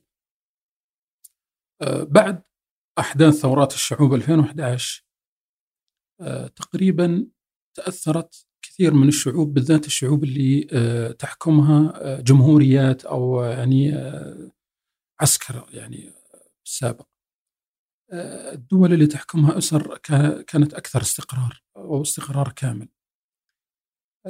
هذه ملاحظة. الثاني أنهكت اقتصاديا وأمنيا وصار في فراغ كبير. في ذكرتني بقصة 2013 اتصلت بباحثة أمريكية. وقالت أنا عندي دراسة عن الشباب السعودي وأنت رسالتك الماجستير عن آه، تغير القيم عند الشباب السعودي فعندي شوية تساؤلات. وافقت أقابلها. قالت أنا جاية رسمي ومع يعني بإشراف مؤسسات علمية سعودية. قلت طيب ماشي. تقابلنا في الرياض. عام كم؟ 2014 2013 كان كل أسئلتها الشباب السعودي كيف كان وبعد سنتين وين هو رايح. آه بعد ستة شهور أرسلت لي كتاب هدية كم من ستين صفحة صغير. كان سؤالها الغير معلن جاوبت عليه في الكتاب إنه ليش أو لماذا ثارت الشعوب العربية على حكوماتها والشعب السعودي ما ثار مع أن كل الأجواء كانت متكهربة وممكن في أي لحظة يحدث ثورة. آه، طبعا هذا سؤال ثينك تانك يعني دائما طبيعي إنه ينطرح ويجب أن ينطرح بس إنه انطرح في الغرب المفروض ينطرح عندنا. هو سؤال قديم حقيقة. هو سؤال عمره أكثر من 150 سنة. يوم صار في ثورات في فرنسا وفي بقية واشتعلت آه، الشعوب الأوروبية ثاروا على الملكيات الشعب البريطاني أو الإنجليزي ما ثار. فجاء سؤال ليش ما ثار؟ بالرغم من كل الظروف مهيئة. طبعا يعني آه، الباحثين آه، طلعوا بمجموعة تفسيرات واحد منها أنه القيم الدينية الكاثوليكية كانت تمنع على المواطن أنه آه، يخرج على حاكمه وكذا يعني فالقيم الدينية كانت تساعد في إدارة الأوقات والأزمات.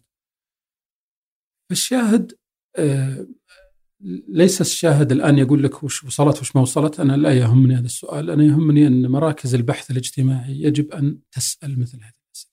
في السعودية.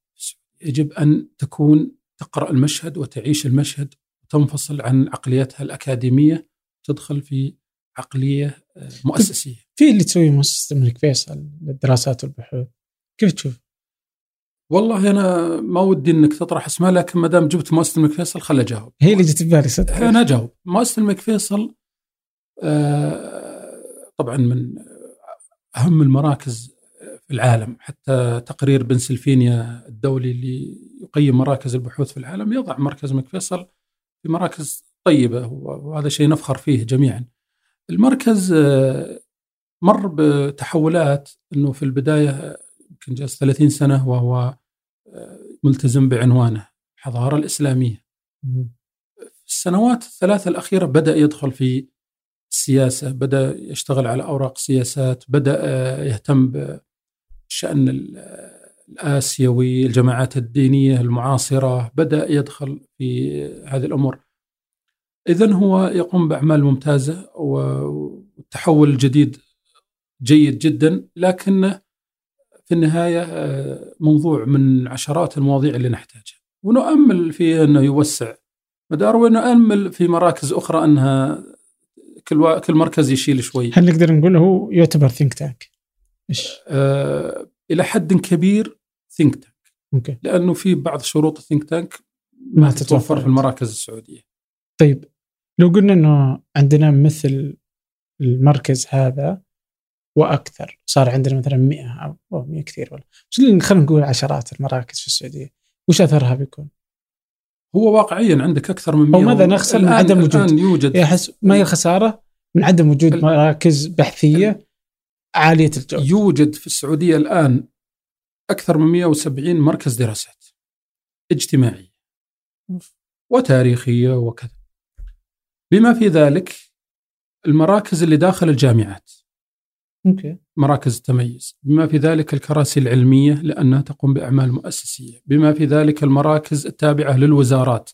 كثير من الوزارات يتبعها مركز. آه اللي ظاهرة للعلن قليل جدا. لكن للأسف لو تلاحظ كل مركز بحثي يهيمن عليه عقل إداري يدمر معه. لأنه بيتعامل معه على شغل شؤون عقلية شؤون إدارية ومالية. المراكز البحثية ما لم تنفصل. أنا ما أقول إنها تنفصل ايديولوجيا أو لكن عقل على الأقل آه، ما تكون خاضعة للهيكل الإداري. على أساس آه، هي بتدرس لك الواقع والواقع ما يخضع لدوام ولا يخضع ارجع لرئيسك ولا يخضع الخطاب رايح خطاب جاي. يخضع لظواهر وباحثين وزي ما تجي معك ادرسها ف ما لقينا مسؤولين آه، يطلعون مراكز. لذلك صار يحيل لهم يعطونه استشارات آه، يعني قلبت أشغال إدارية. أما المركز اللي يحتاج حرية لا يتحمل مسؤوليتها الوزير أو الرئيس اللي يرأسه لأن حرية المركز وفي النهاية يجب أن يرفع سقف الحرية لكن أعماله السرية ومرهونة بالجهات داعمة له. وهذا حق طبيعي حتى في أمريكا وأوروبا. أنا ممول وداعم لك تدرس لي هالظواهر أو تعطيني هذه المبررات. أظن فيه لينين يعني تكلم مرة عن علم اجتماع وقال أن أنه من العلوم اللي مهمتها تصنع مبررات. وهو صادق بحد كبير لأن المبررات أنك تعيد المنح المعاني للأشياء اللي لها صورة ذهنية قديمة. كيف تغيرها بتكثيف دراسة حولها وتنشئ لها مفردات جديدة لأن ما تقدر المفردة القديمة اللي ارتبطت بسمعة سيئة ما تقدر تتخ... تغيرها. لازم تجيب بديل والبديل مصنوع مع مبررات وحزمة من الإجراءات اللي تقدر تسكنها في المجتمع من جديد. كيف آه، أهمية ارتفاع سقف الحريات في الأكاديمية؟ منخفض. منخفض و...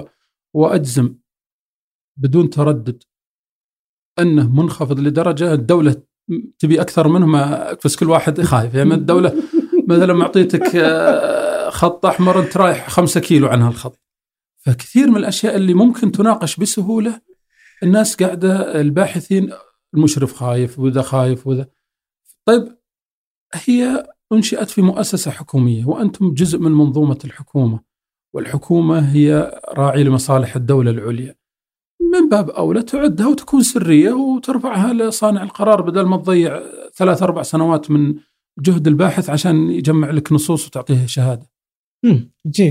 طيب ودي أرجع للمجتمع السعودي وقراءته بس أنت ذكرت في بداية يعني يوم كنت أسألك عن التغييرات المجتمعيه أنك قلت إنه مثلا من الأشياء اللي موجودة اللي هي إعادة المرأة للواجهة. م. في ناس تجي تقول أصلا ما كانت المرأة في الواجهة قط عشان تعود. آه هي قبل مثلا 1979 اصطلح على تسميته عصر الصحوة. وقبل عصر النفط. خلنا نجيبها من قبل عصر النفط عشان يكون المثال أكثر وضوح. لا تستطيع أن تمشي أسرة بدون مرأة. المرأة كانت الأسرة كلها كانت أسر منتجة. المجتمع كله كان أسر منتجة. يصنعون ويبيعون. كل واحد مسند إليه مهام. المرأة كانت تقوم بمهام كبيرة في الزراعة في الفلاحة في الحصاد في الرعي مهام قاسية. يعني النفط والرفاهية أعادتها للبيت وجابت خدم يقومون بهذه المهام وجابت يعني مصانع تقوم بهذه المهام. مع الصحوة استطاعت الصحوة أنها تكثف المعنى. ترى أستخدم كلمة تكثيف المعنى لأنه مهم جدا وفلسفي في الموضوع ومحوري ولأن كل السياقات تدور عليه. كثفت المعنى أن المرأة آه، عفتها وشرفها في بقائها في البيت. والمجتمع الذكوري خدمها أن الرجال عيب تصرف عليه الحرم. فجت يعني آه، من الطرفين إنه ماشية للجميع. هنا صار إشكاليتين. تيار الصحوة لابد له حتى يكون في المشهد ومسيطر ومستقر لابد من خصم يناكفه ولا طلع. هذه طب يعني نظرية سياسية معروف ففي البداية صارعوا التيار بداية الثمانينات التيار القومي والعروبي ثم طاح بعد حرب الخليج 90 وطلع تيار ليبرالي وعلماني وصارعوا لازم يلقى له شيء صارع. المنصة منصة الصراع هي المرأة. هذا يقول كرامتها طلعها وذا يقول كرامتها لا خليها في البيت وكلهم عندهم قيم كرامة المرأة محافظين عليه. وكل يقول شرف المرأة ضروري بس يقول شرفها تجلس. طيب.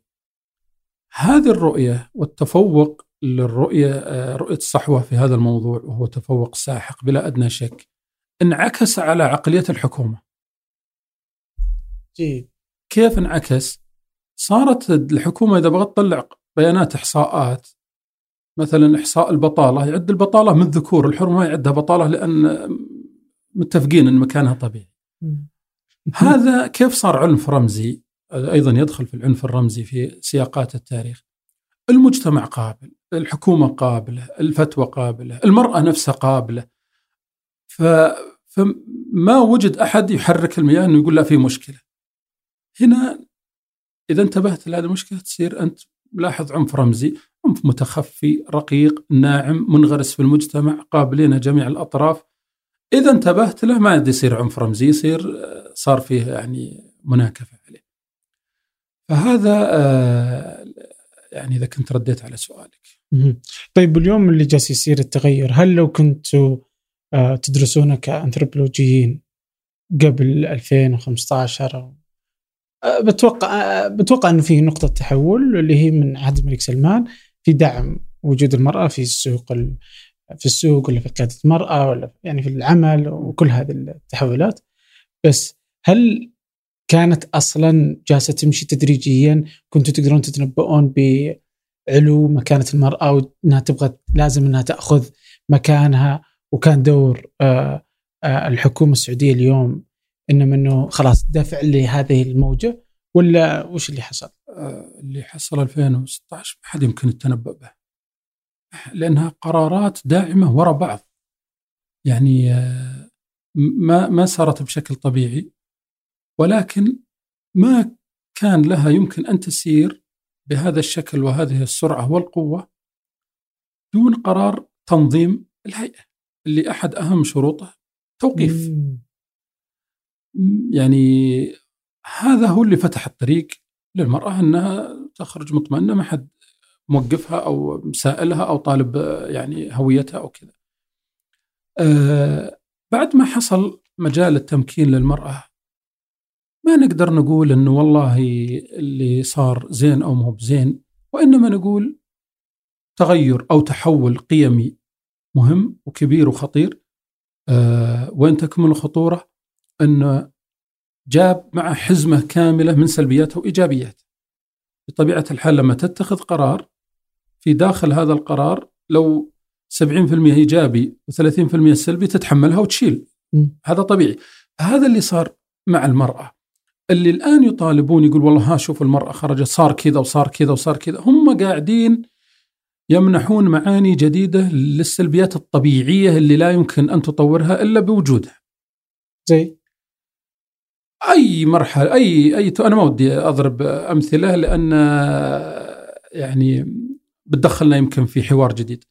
آه، فالشاهد أن قرارات تمكين المرأة الآن وصلت في مناصب إدارية في الشركات وفي الحكومة عالية وأظنهم يطمحون لأكثر يعني و يعني العشر سنوات اللي صار فيها ابتعاث نساء آه، عادوا بخبرات وشهادات آه، وإمكانات هائلة جدا. آه، ما عاد أمامك إلا أنك تقول إن المرأة تسير بالمجتمع مثل الرجل كما كان الوضع قبل النفط. هي إعادة إنتاج لدور المرأة في المجتمع. اللهم أن القبعة اختلفت. المجتمع كان محتاج المرأة والرجل بقدر جهدهم فلاحة ورعي وزراعة وتعليم اليوم محتاجها في تقنية وتصنيع وعلم وتطوير. فرجع الوضع كما كان. ممتاز. طيب على النفط ودي آه، أتكلم عن التحول في المجتمع السعودي بين أرامكو ودولة الموظفين وكيف أنك تقول في كتابك أنه أنه هذا ساهم في إيجاد الكسل حتى في في المجتمع والأمان الوظيفي وتغير في شكل المجتمع السعودي إي أنا كتبت آه، ونشرت عن الفلاح السعودي ولأرسم تصوري للمجتمع لمنظومة القيم وتطورها على مدى مئة سنة كيف كانوا وإلى ان صاروا ما أقول لك إن هذا هو الواقع والحقائق لكن هذه وجهة نظري. أه بعد ما تأسست شركة أرامكو 357 اللي هو اعلن في اكتشاف النفط بكميات كبيرة. بدأت تعلن سنويا يمكن على مدى 15 سنة دعوة للشباب السعودي. بالتوظيف. بالتوظيف. كل واحد يدرب ثم يصير عامل بسيط ولا سواق ولا أي ما كان المهم عشرات الآلاف حقيقة على مدى 15 سنة. جوها من المنطقة الوسطى والجنوبية والشمالية وكل مكان هاجر هنا انهارت مهنة الفلاحة والرعي. دخلوا إلى عالم الأرامكو. هذا الشاب السعودي اللي كان يمثلون اليوم ابائنا وأجدادنا. أنا أبوي موظفين أرامكو القدامى. آه، جاي من بيئة فلاحية كيف استطاع في خلال سنوات قليلة يتعلم اللغة الإنجليزية ويأكل بالملعقة والشوكة ويشوف تلفزيون على الطاولة عنده 20 30 مصطلح آه، إنجليزي يتعامل فيها في الحياة اليومية آه، ويلبس البدلة. هذه كلها تحولات قيمية لا يمكن أن تحدث عند الفلاح قبل النفط بل يمكن يستنكرونها لو يجي أجنبي يشوفونها كذا. لكن استطاعت أرامكو أن تغرس الشباب السعودي في بيئته وأرامكو كانت ولا زالت بيئة عمل بيئة آه، احترام الوقت بيئة انضباطية فطلع السعودي يحمل قيم العمل الجاد والشاق والانضباطية والتقبل الآخر والانفتاح على الثقافات الأخرى و آه، النقد كل هذا حصل لأن البيئة العمل أرامكو أسستهم عليه وعاشوا عليه. طيب لو نقفز بعدها إلى دولة الموظفين هذا المصطلح اللي اطلقه جمال حمدان على مجتمع القاهرة. سماها دولة الموظفين وأنا سميتها على المجتمع السعودي دولة موظفين في بداية الثمانينات. لأن آه، الدولة آه، عندما أعلن اعلن الدولة خطط التنمية الخمسية 1390 اللي هي 1970 جاء الخطة الثانية والثالثة اللي هي من يعني 75 إلى 85 دعمت بشكل كثيف توظيف السعودية. بشكل كثيف جدا لأن يمكن تقريبا 80% من وزارات الدولة يقوم بها عرب. هم النساخ وهم القهوجية وهم أنا أدركت بعضهم. هم اللي يقومون بشغل الحكومة فجاء توجه أنهم بالسعودة السعودة السعودة يعني وظفوهم في كل المجالات وفي كل القطاعات. ما نصت التنمية لكنها أكدت على التوظيف لكن لم ينص على أن أنه يجب أن يهجرون القرى وإنما كثفتهم في المدن. وقللت خدمات التوظيف والدراسات العليا. يعني اللي بياخذ ثانوي في قريته هذا حدك. تبي جامعة تعالي في المدينة الكبرى تبي توظف تعالي فمن هنا سميتها دولة الموظفين. هنا الموظف السعودي آه، تحمل أو انتشر عنده قيم التكاسل والتواكل والاتكالية على الغير وعدم الرغبة في الإنجاز. طبعا مو بكلهم يعني في فئة هي اللي صعدت بالموضوع لكن فئة كبيرة اعتمدت على أن العمل ماشي وأنه تشتغل بضمانة الحكومة ولا يفصل كل الملك. كان فعلا الوزير ما يقدر يفصل أحد. أكثر شيء يسويه ما يعطيه خارج دوام أو ينقل الإدارة الثانية. فكان الموظف جاي بقوة الدولة وضمانة الدولة.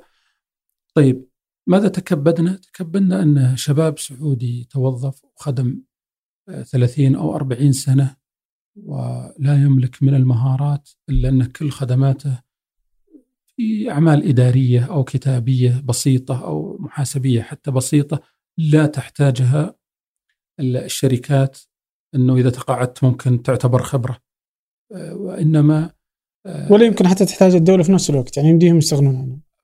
ممكن بس أن وضعك في مرحلة أمان وضعك كاتب خطابات أو صادر وارد 30 40 سنة يعني أعدم خبرات. ما يعني قلل عنده هذه سميتها دولة الموظفين. وبالتالي الإجراءات اللي جت بعد 2016 أنا أثنيت عليها لهذا السبب أنه يجب أن يعود السعودي كما كان. يجب أن يعود الشاب السعودي هو موظف أرامكو وليس موظف الدولة الراعية القديمة. اليوم يجب أن يكون الشاب السعودي يحمل قيم الشاب السعودي اللي هو أبوه وجده اللي عملوا في أرامكو.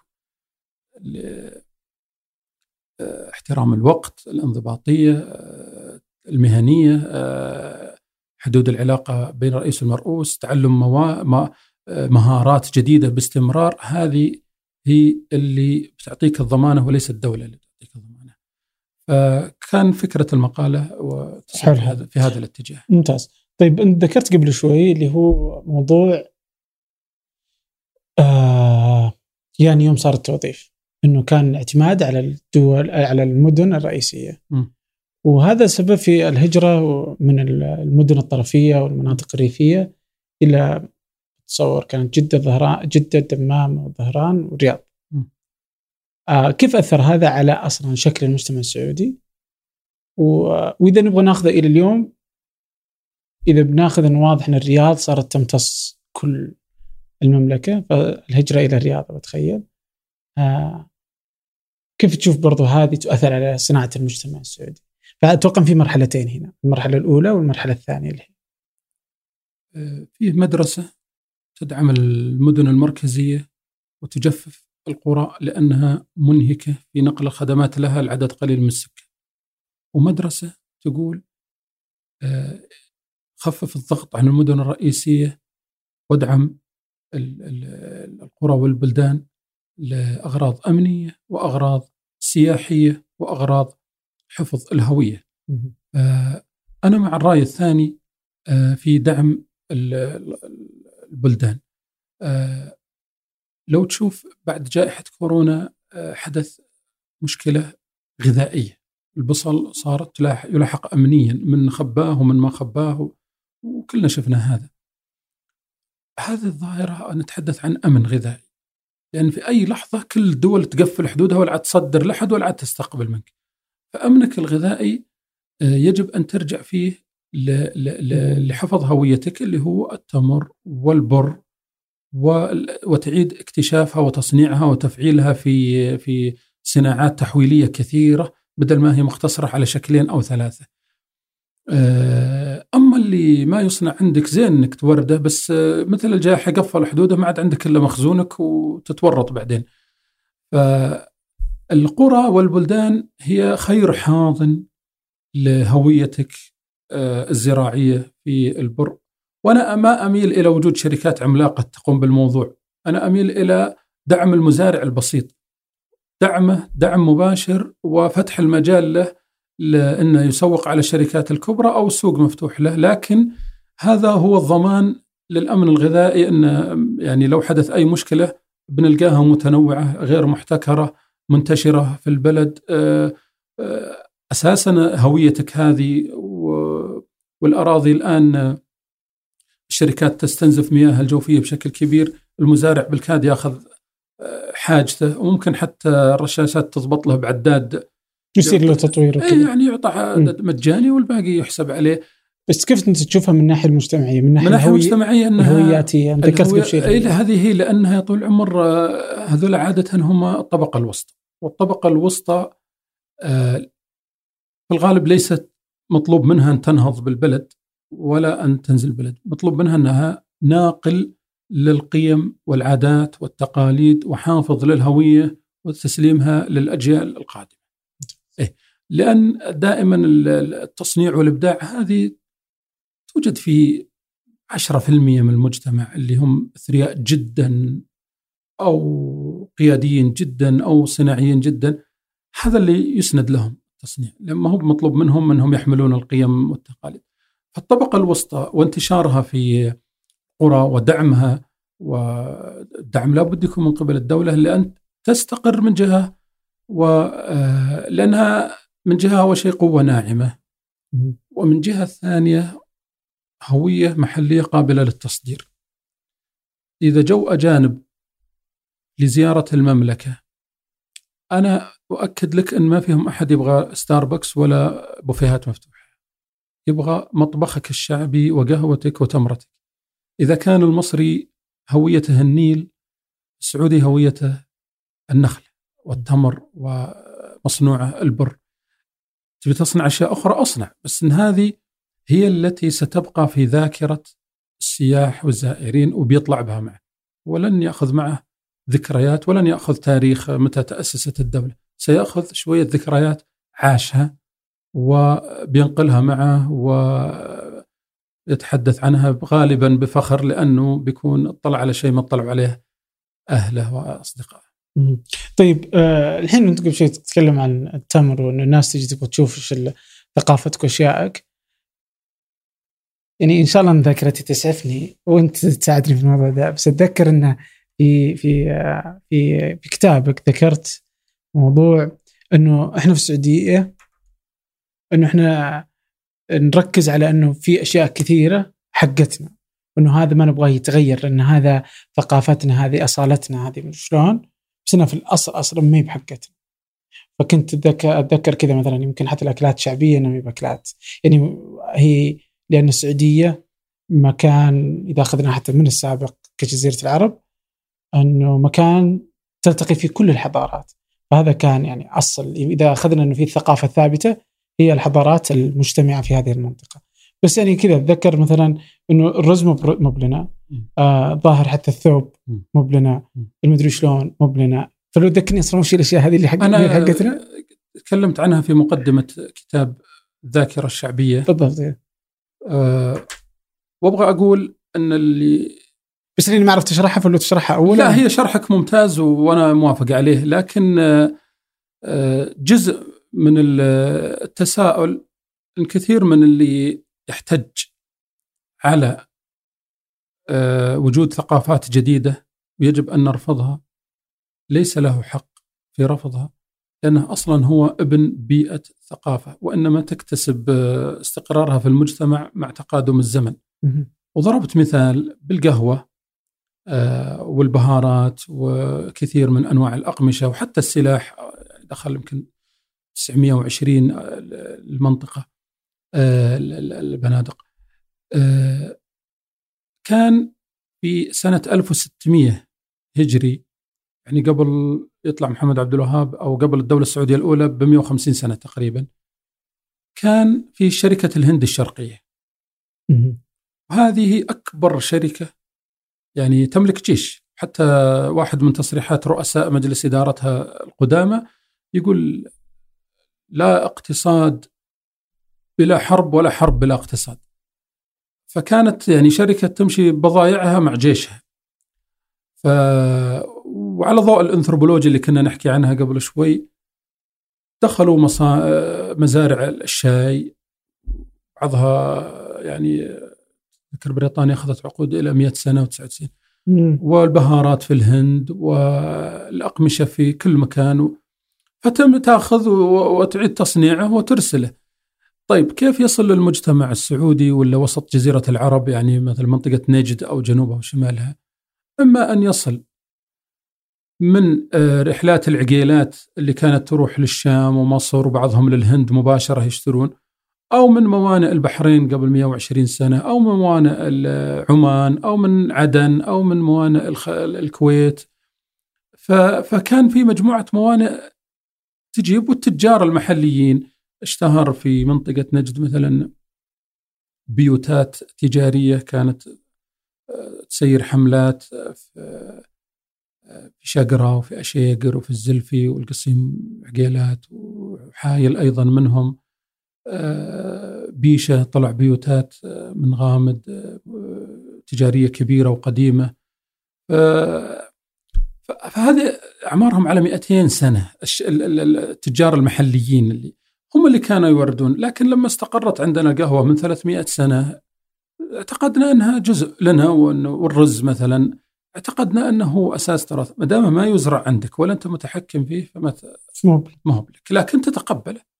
بس تدعم منتجك أو تطور ما تريد. يعني لو أراضينا تسمح بإنتاج الرز مثل منطقة الأحساء يعني كغزارة مياه ممتاز.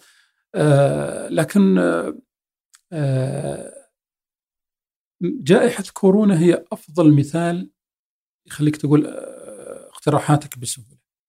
إن أحيانا الناس تضرب أمثلة بحروب. اليوم جائحة خلت كل دولة تسكر. على نفسها وكل أسرة تسكر على نفسها وكل مدينة تسكر على نفسها.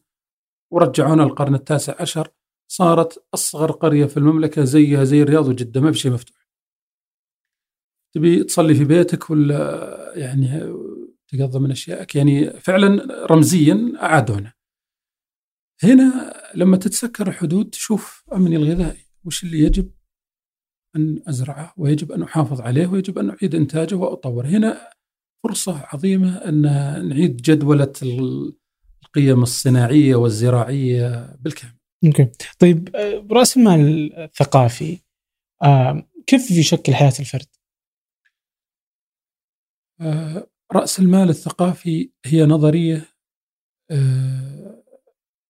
طلعها بيير بورديو وهو عالم اجتماع فرنسي مات 2003 من منظومة من النظريات الاجتماعية اللي حاول يفهم فيها المجتمع ويفككه بشكل دقيق لأن بورديو ميزته أنه يرفض أن يقرأ المجتمع مقولب وإنما يبحث في تفاصيل الأشياء وتعقيداتها لفهم القوانين الحقيقية التي تحركها. وبالتالي آه، كل نظرياته لا توجد لا في كتاب، كل نظرية موجودة في ثلاثة أربعة كتب وخمسة مقالات كذا يعني تجمع جمع. فكان مؤسس نظرية اسمها الهابيتوس. اللي هي يدرس فيه أصلا ليش الإنسان يتصرف بهذا الشكل. وهو حاول أن يتوصل إلى أن طبقته الاجتماعية والاقتصادية هي اللي تملي عليه وليس اختياره. فالهابيتوس هذا يقول آه يعني منظومة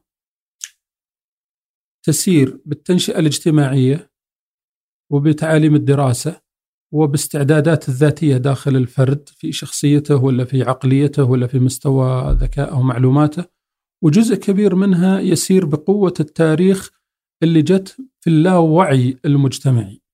حتى كان يضرب مثال باللي يقول أخلع لك القبعة. احتراما يقول جاية من العصور الوسطى ومشت في اللاوعي الشعبي وصارت آه، مستخدمة ولو بالضرورة نعرف من ليش نشأت أساسا.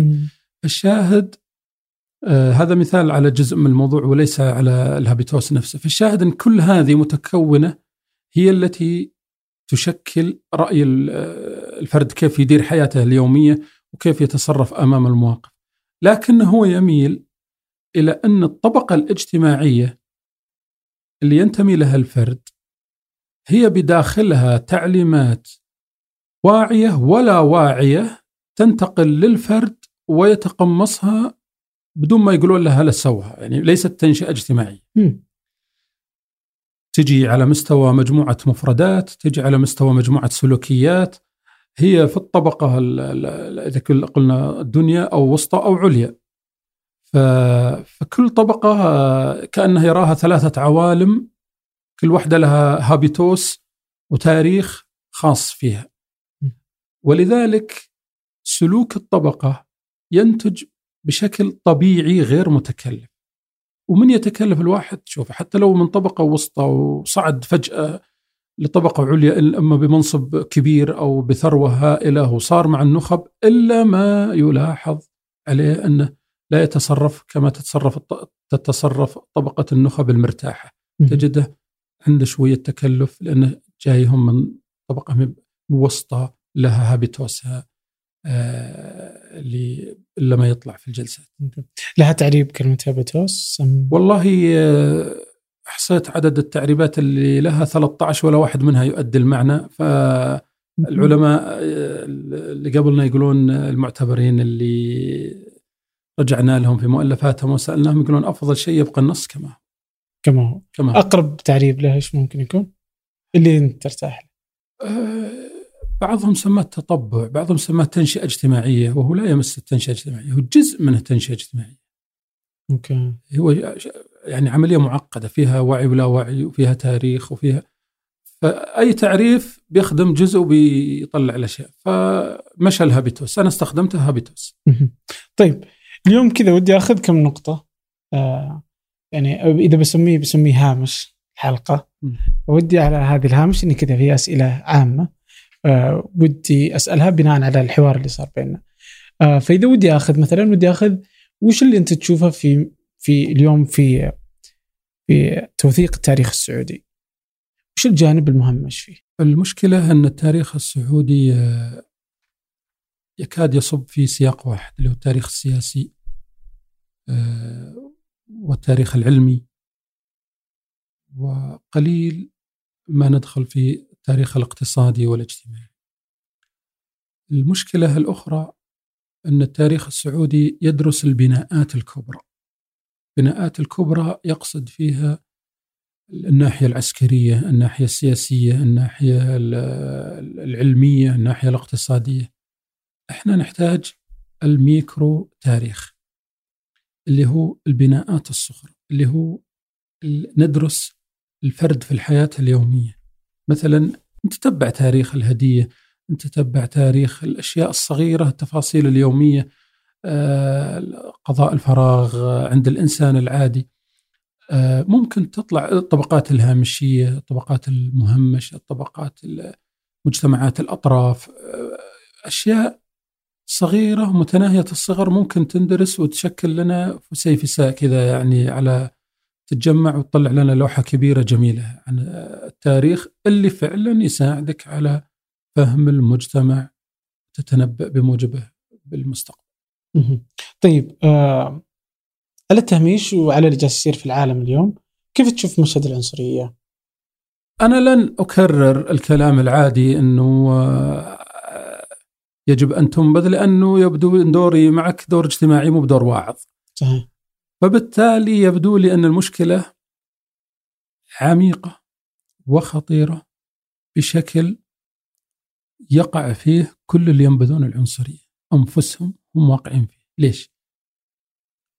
آه تلقى الواحد إذا عنده مشكلة خلينا نجيب ثنائيات بكل وضوح يعني معلش عشان بس نقدر نشرح الموضوع.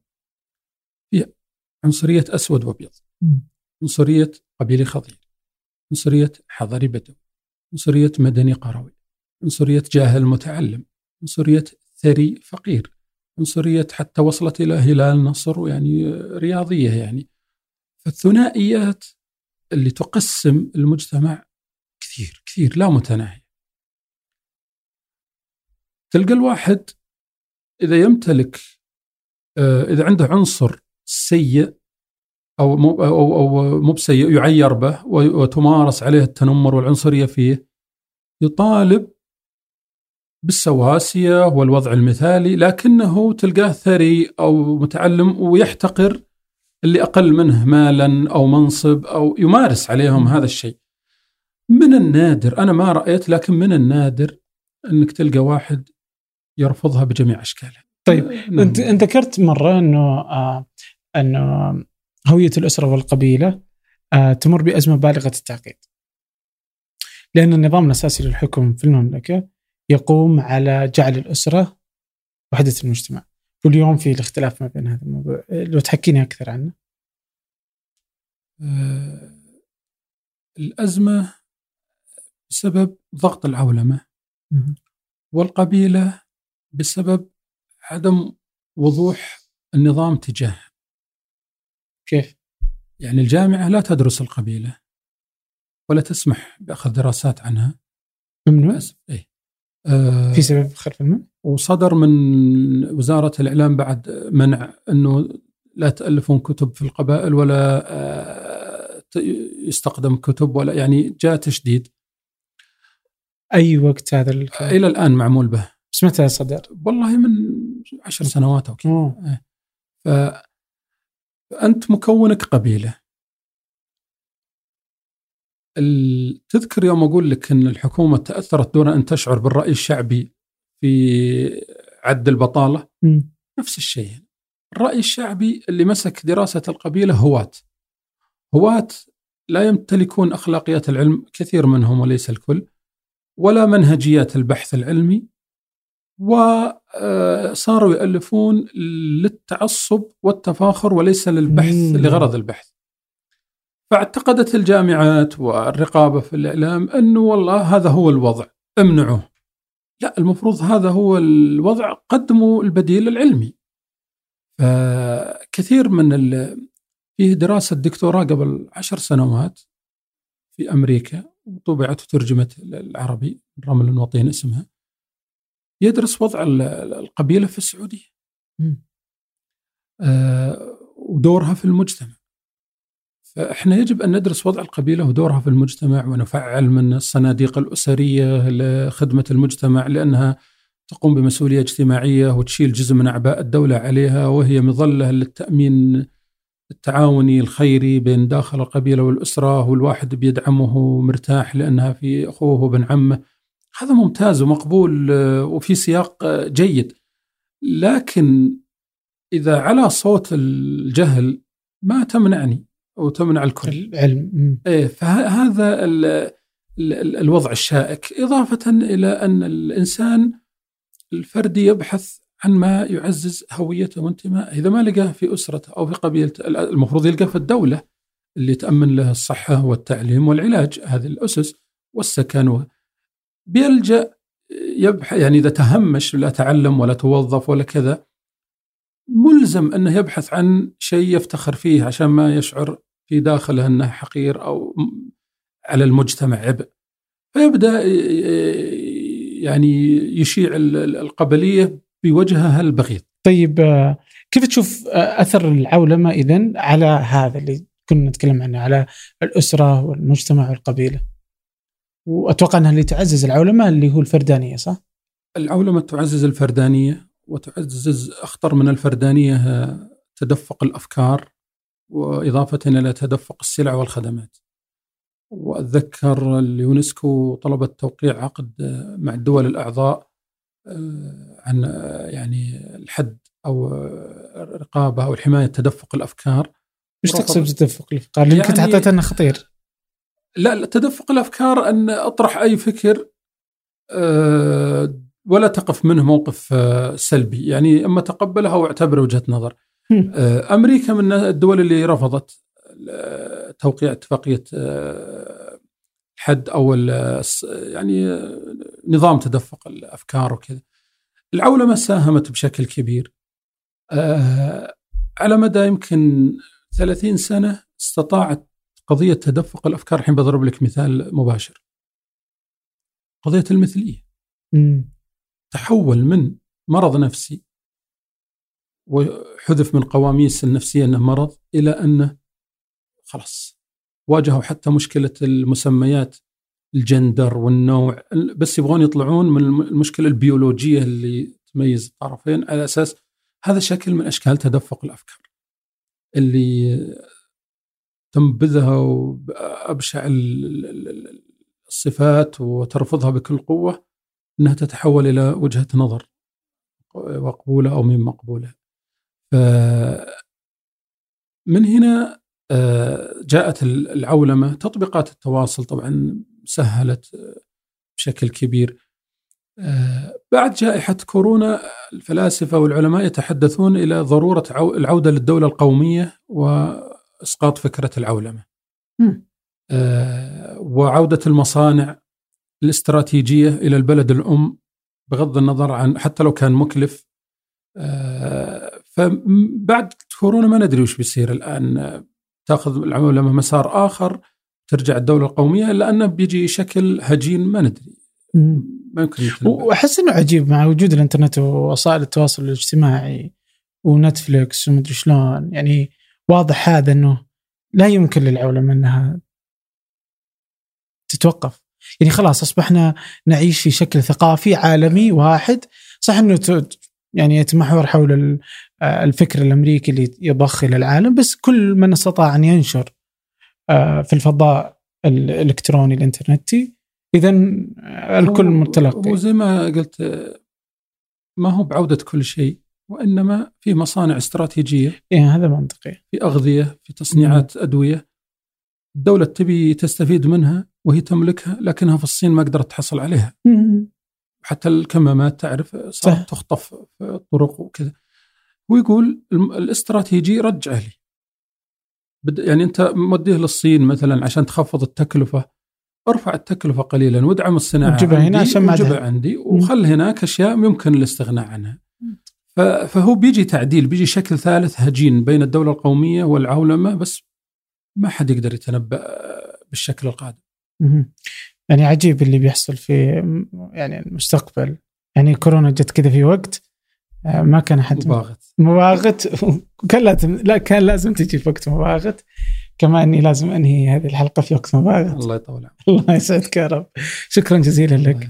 اكرمتنا بوقتك وجهدك وحقيقه كل ما تنشر وتكتب آه، مثير ومهم وممتع صدق يعني عادة ما تكون الأشياء اللي الناس تتكلم فيها في التاريخ ولا في آه، الاجتماع وهذه العلوم أحيانا تميل للتعقيد. لكن كتبك آه، أنصح بقراءتها شكرا لما تنشر وتعطينا من جهدك ووقتك وفكرك. العفو شكرا لك الله يطول عمرك. شكرا دكتور شكرا لكم شكرا لسحر سليمان في الإعداد والتنسيق محمد نادي في التصوير محمد الحسن في الهندسة الصوتية وفي آه، إدارة إذاعة ثمانية ثمود بن محفوظ. هذا فنجان أحد منتجات شركة ثمانية للنشر والتوزيع. الأسبوع المقبل ألقاكم.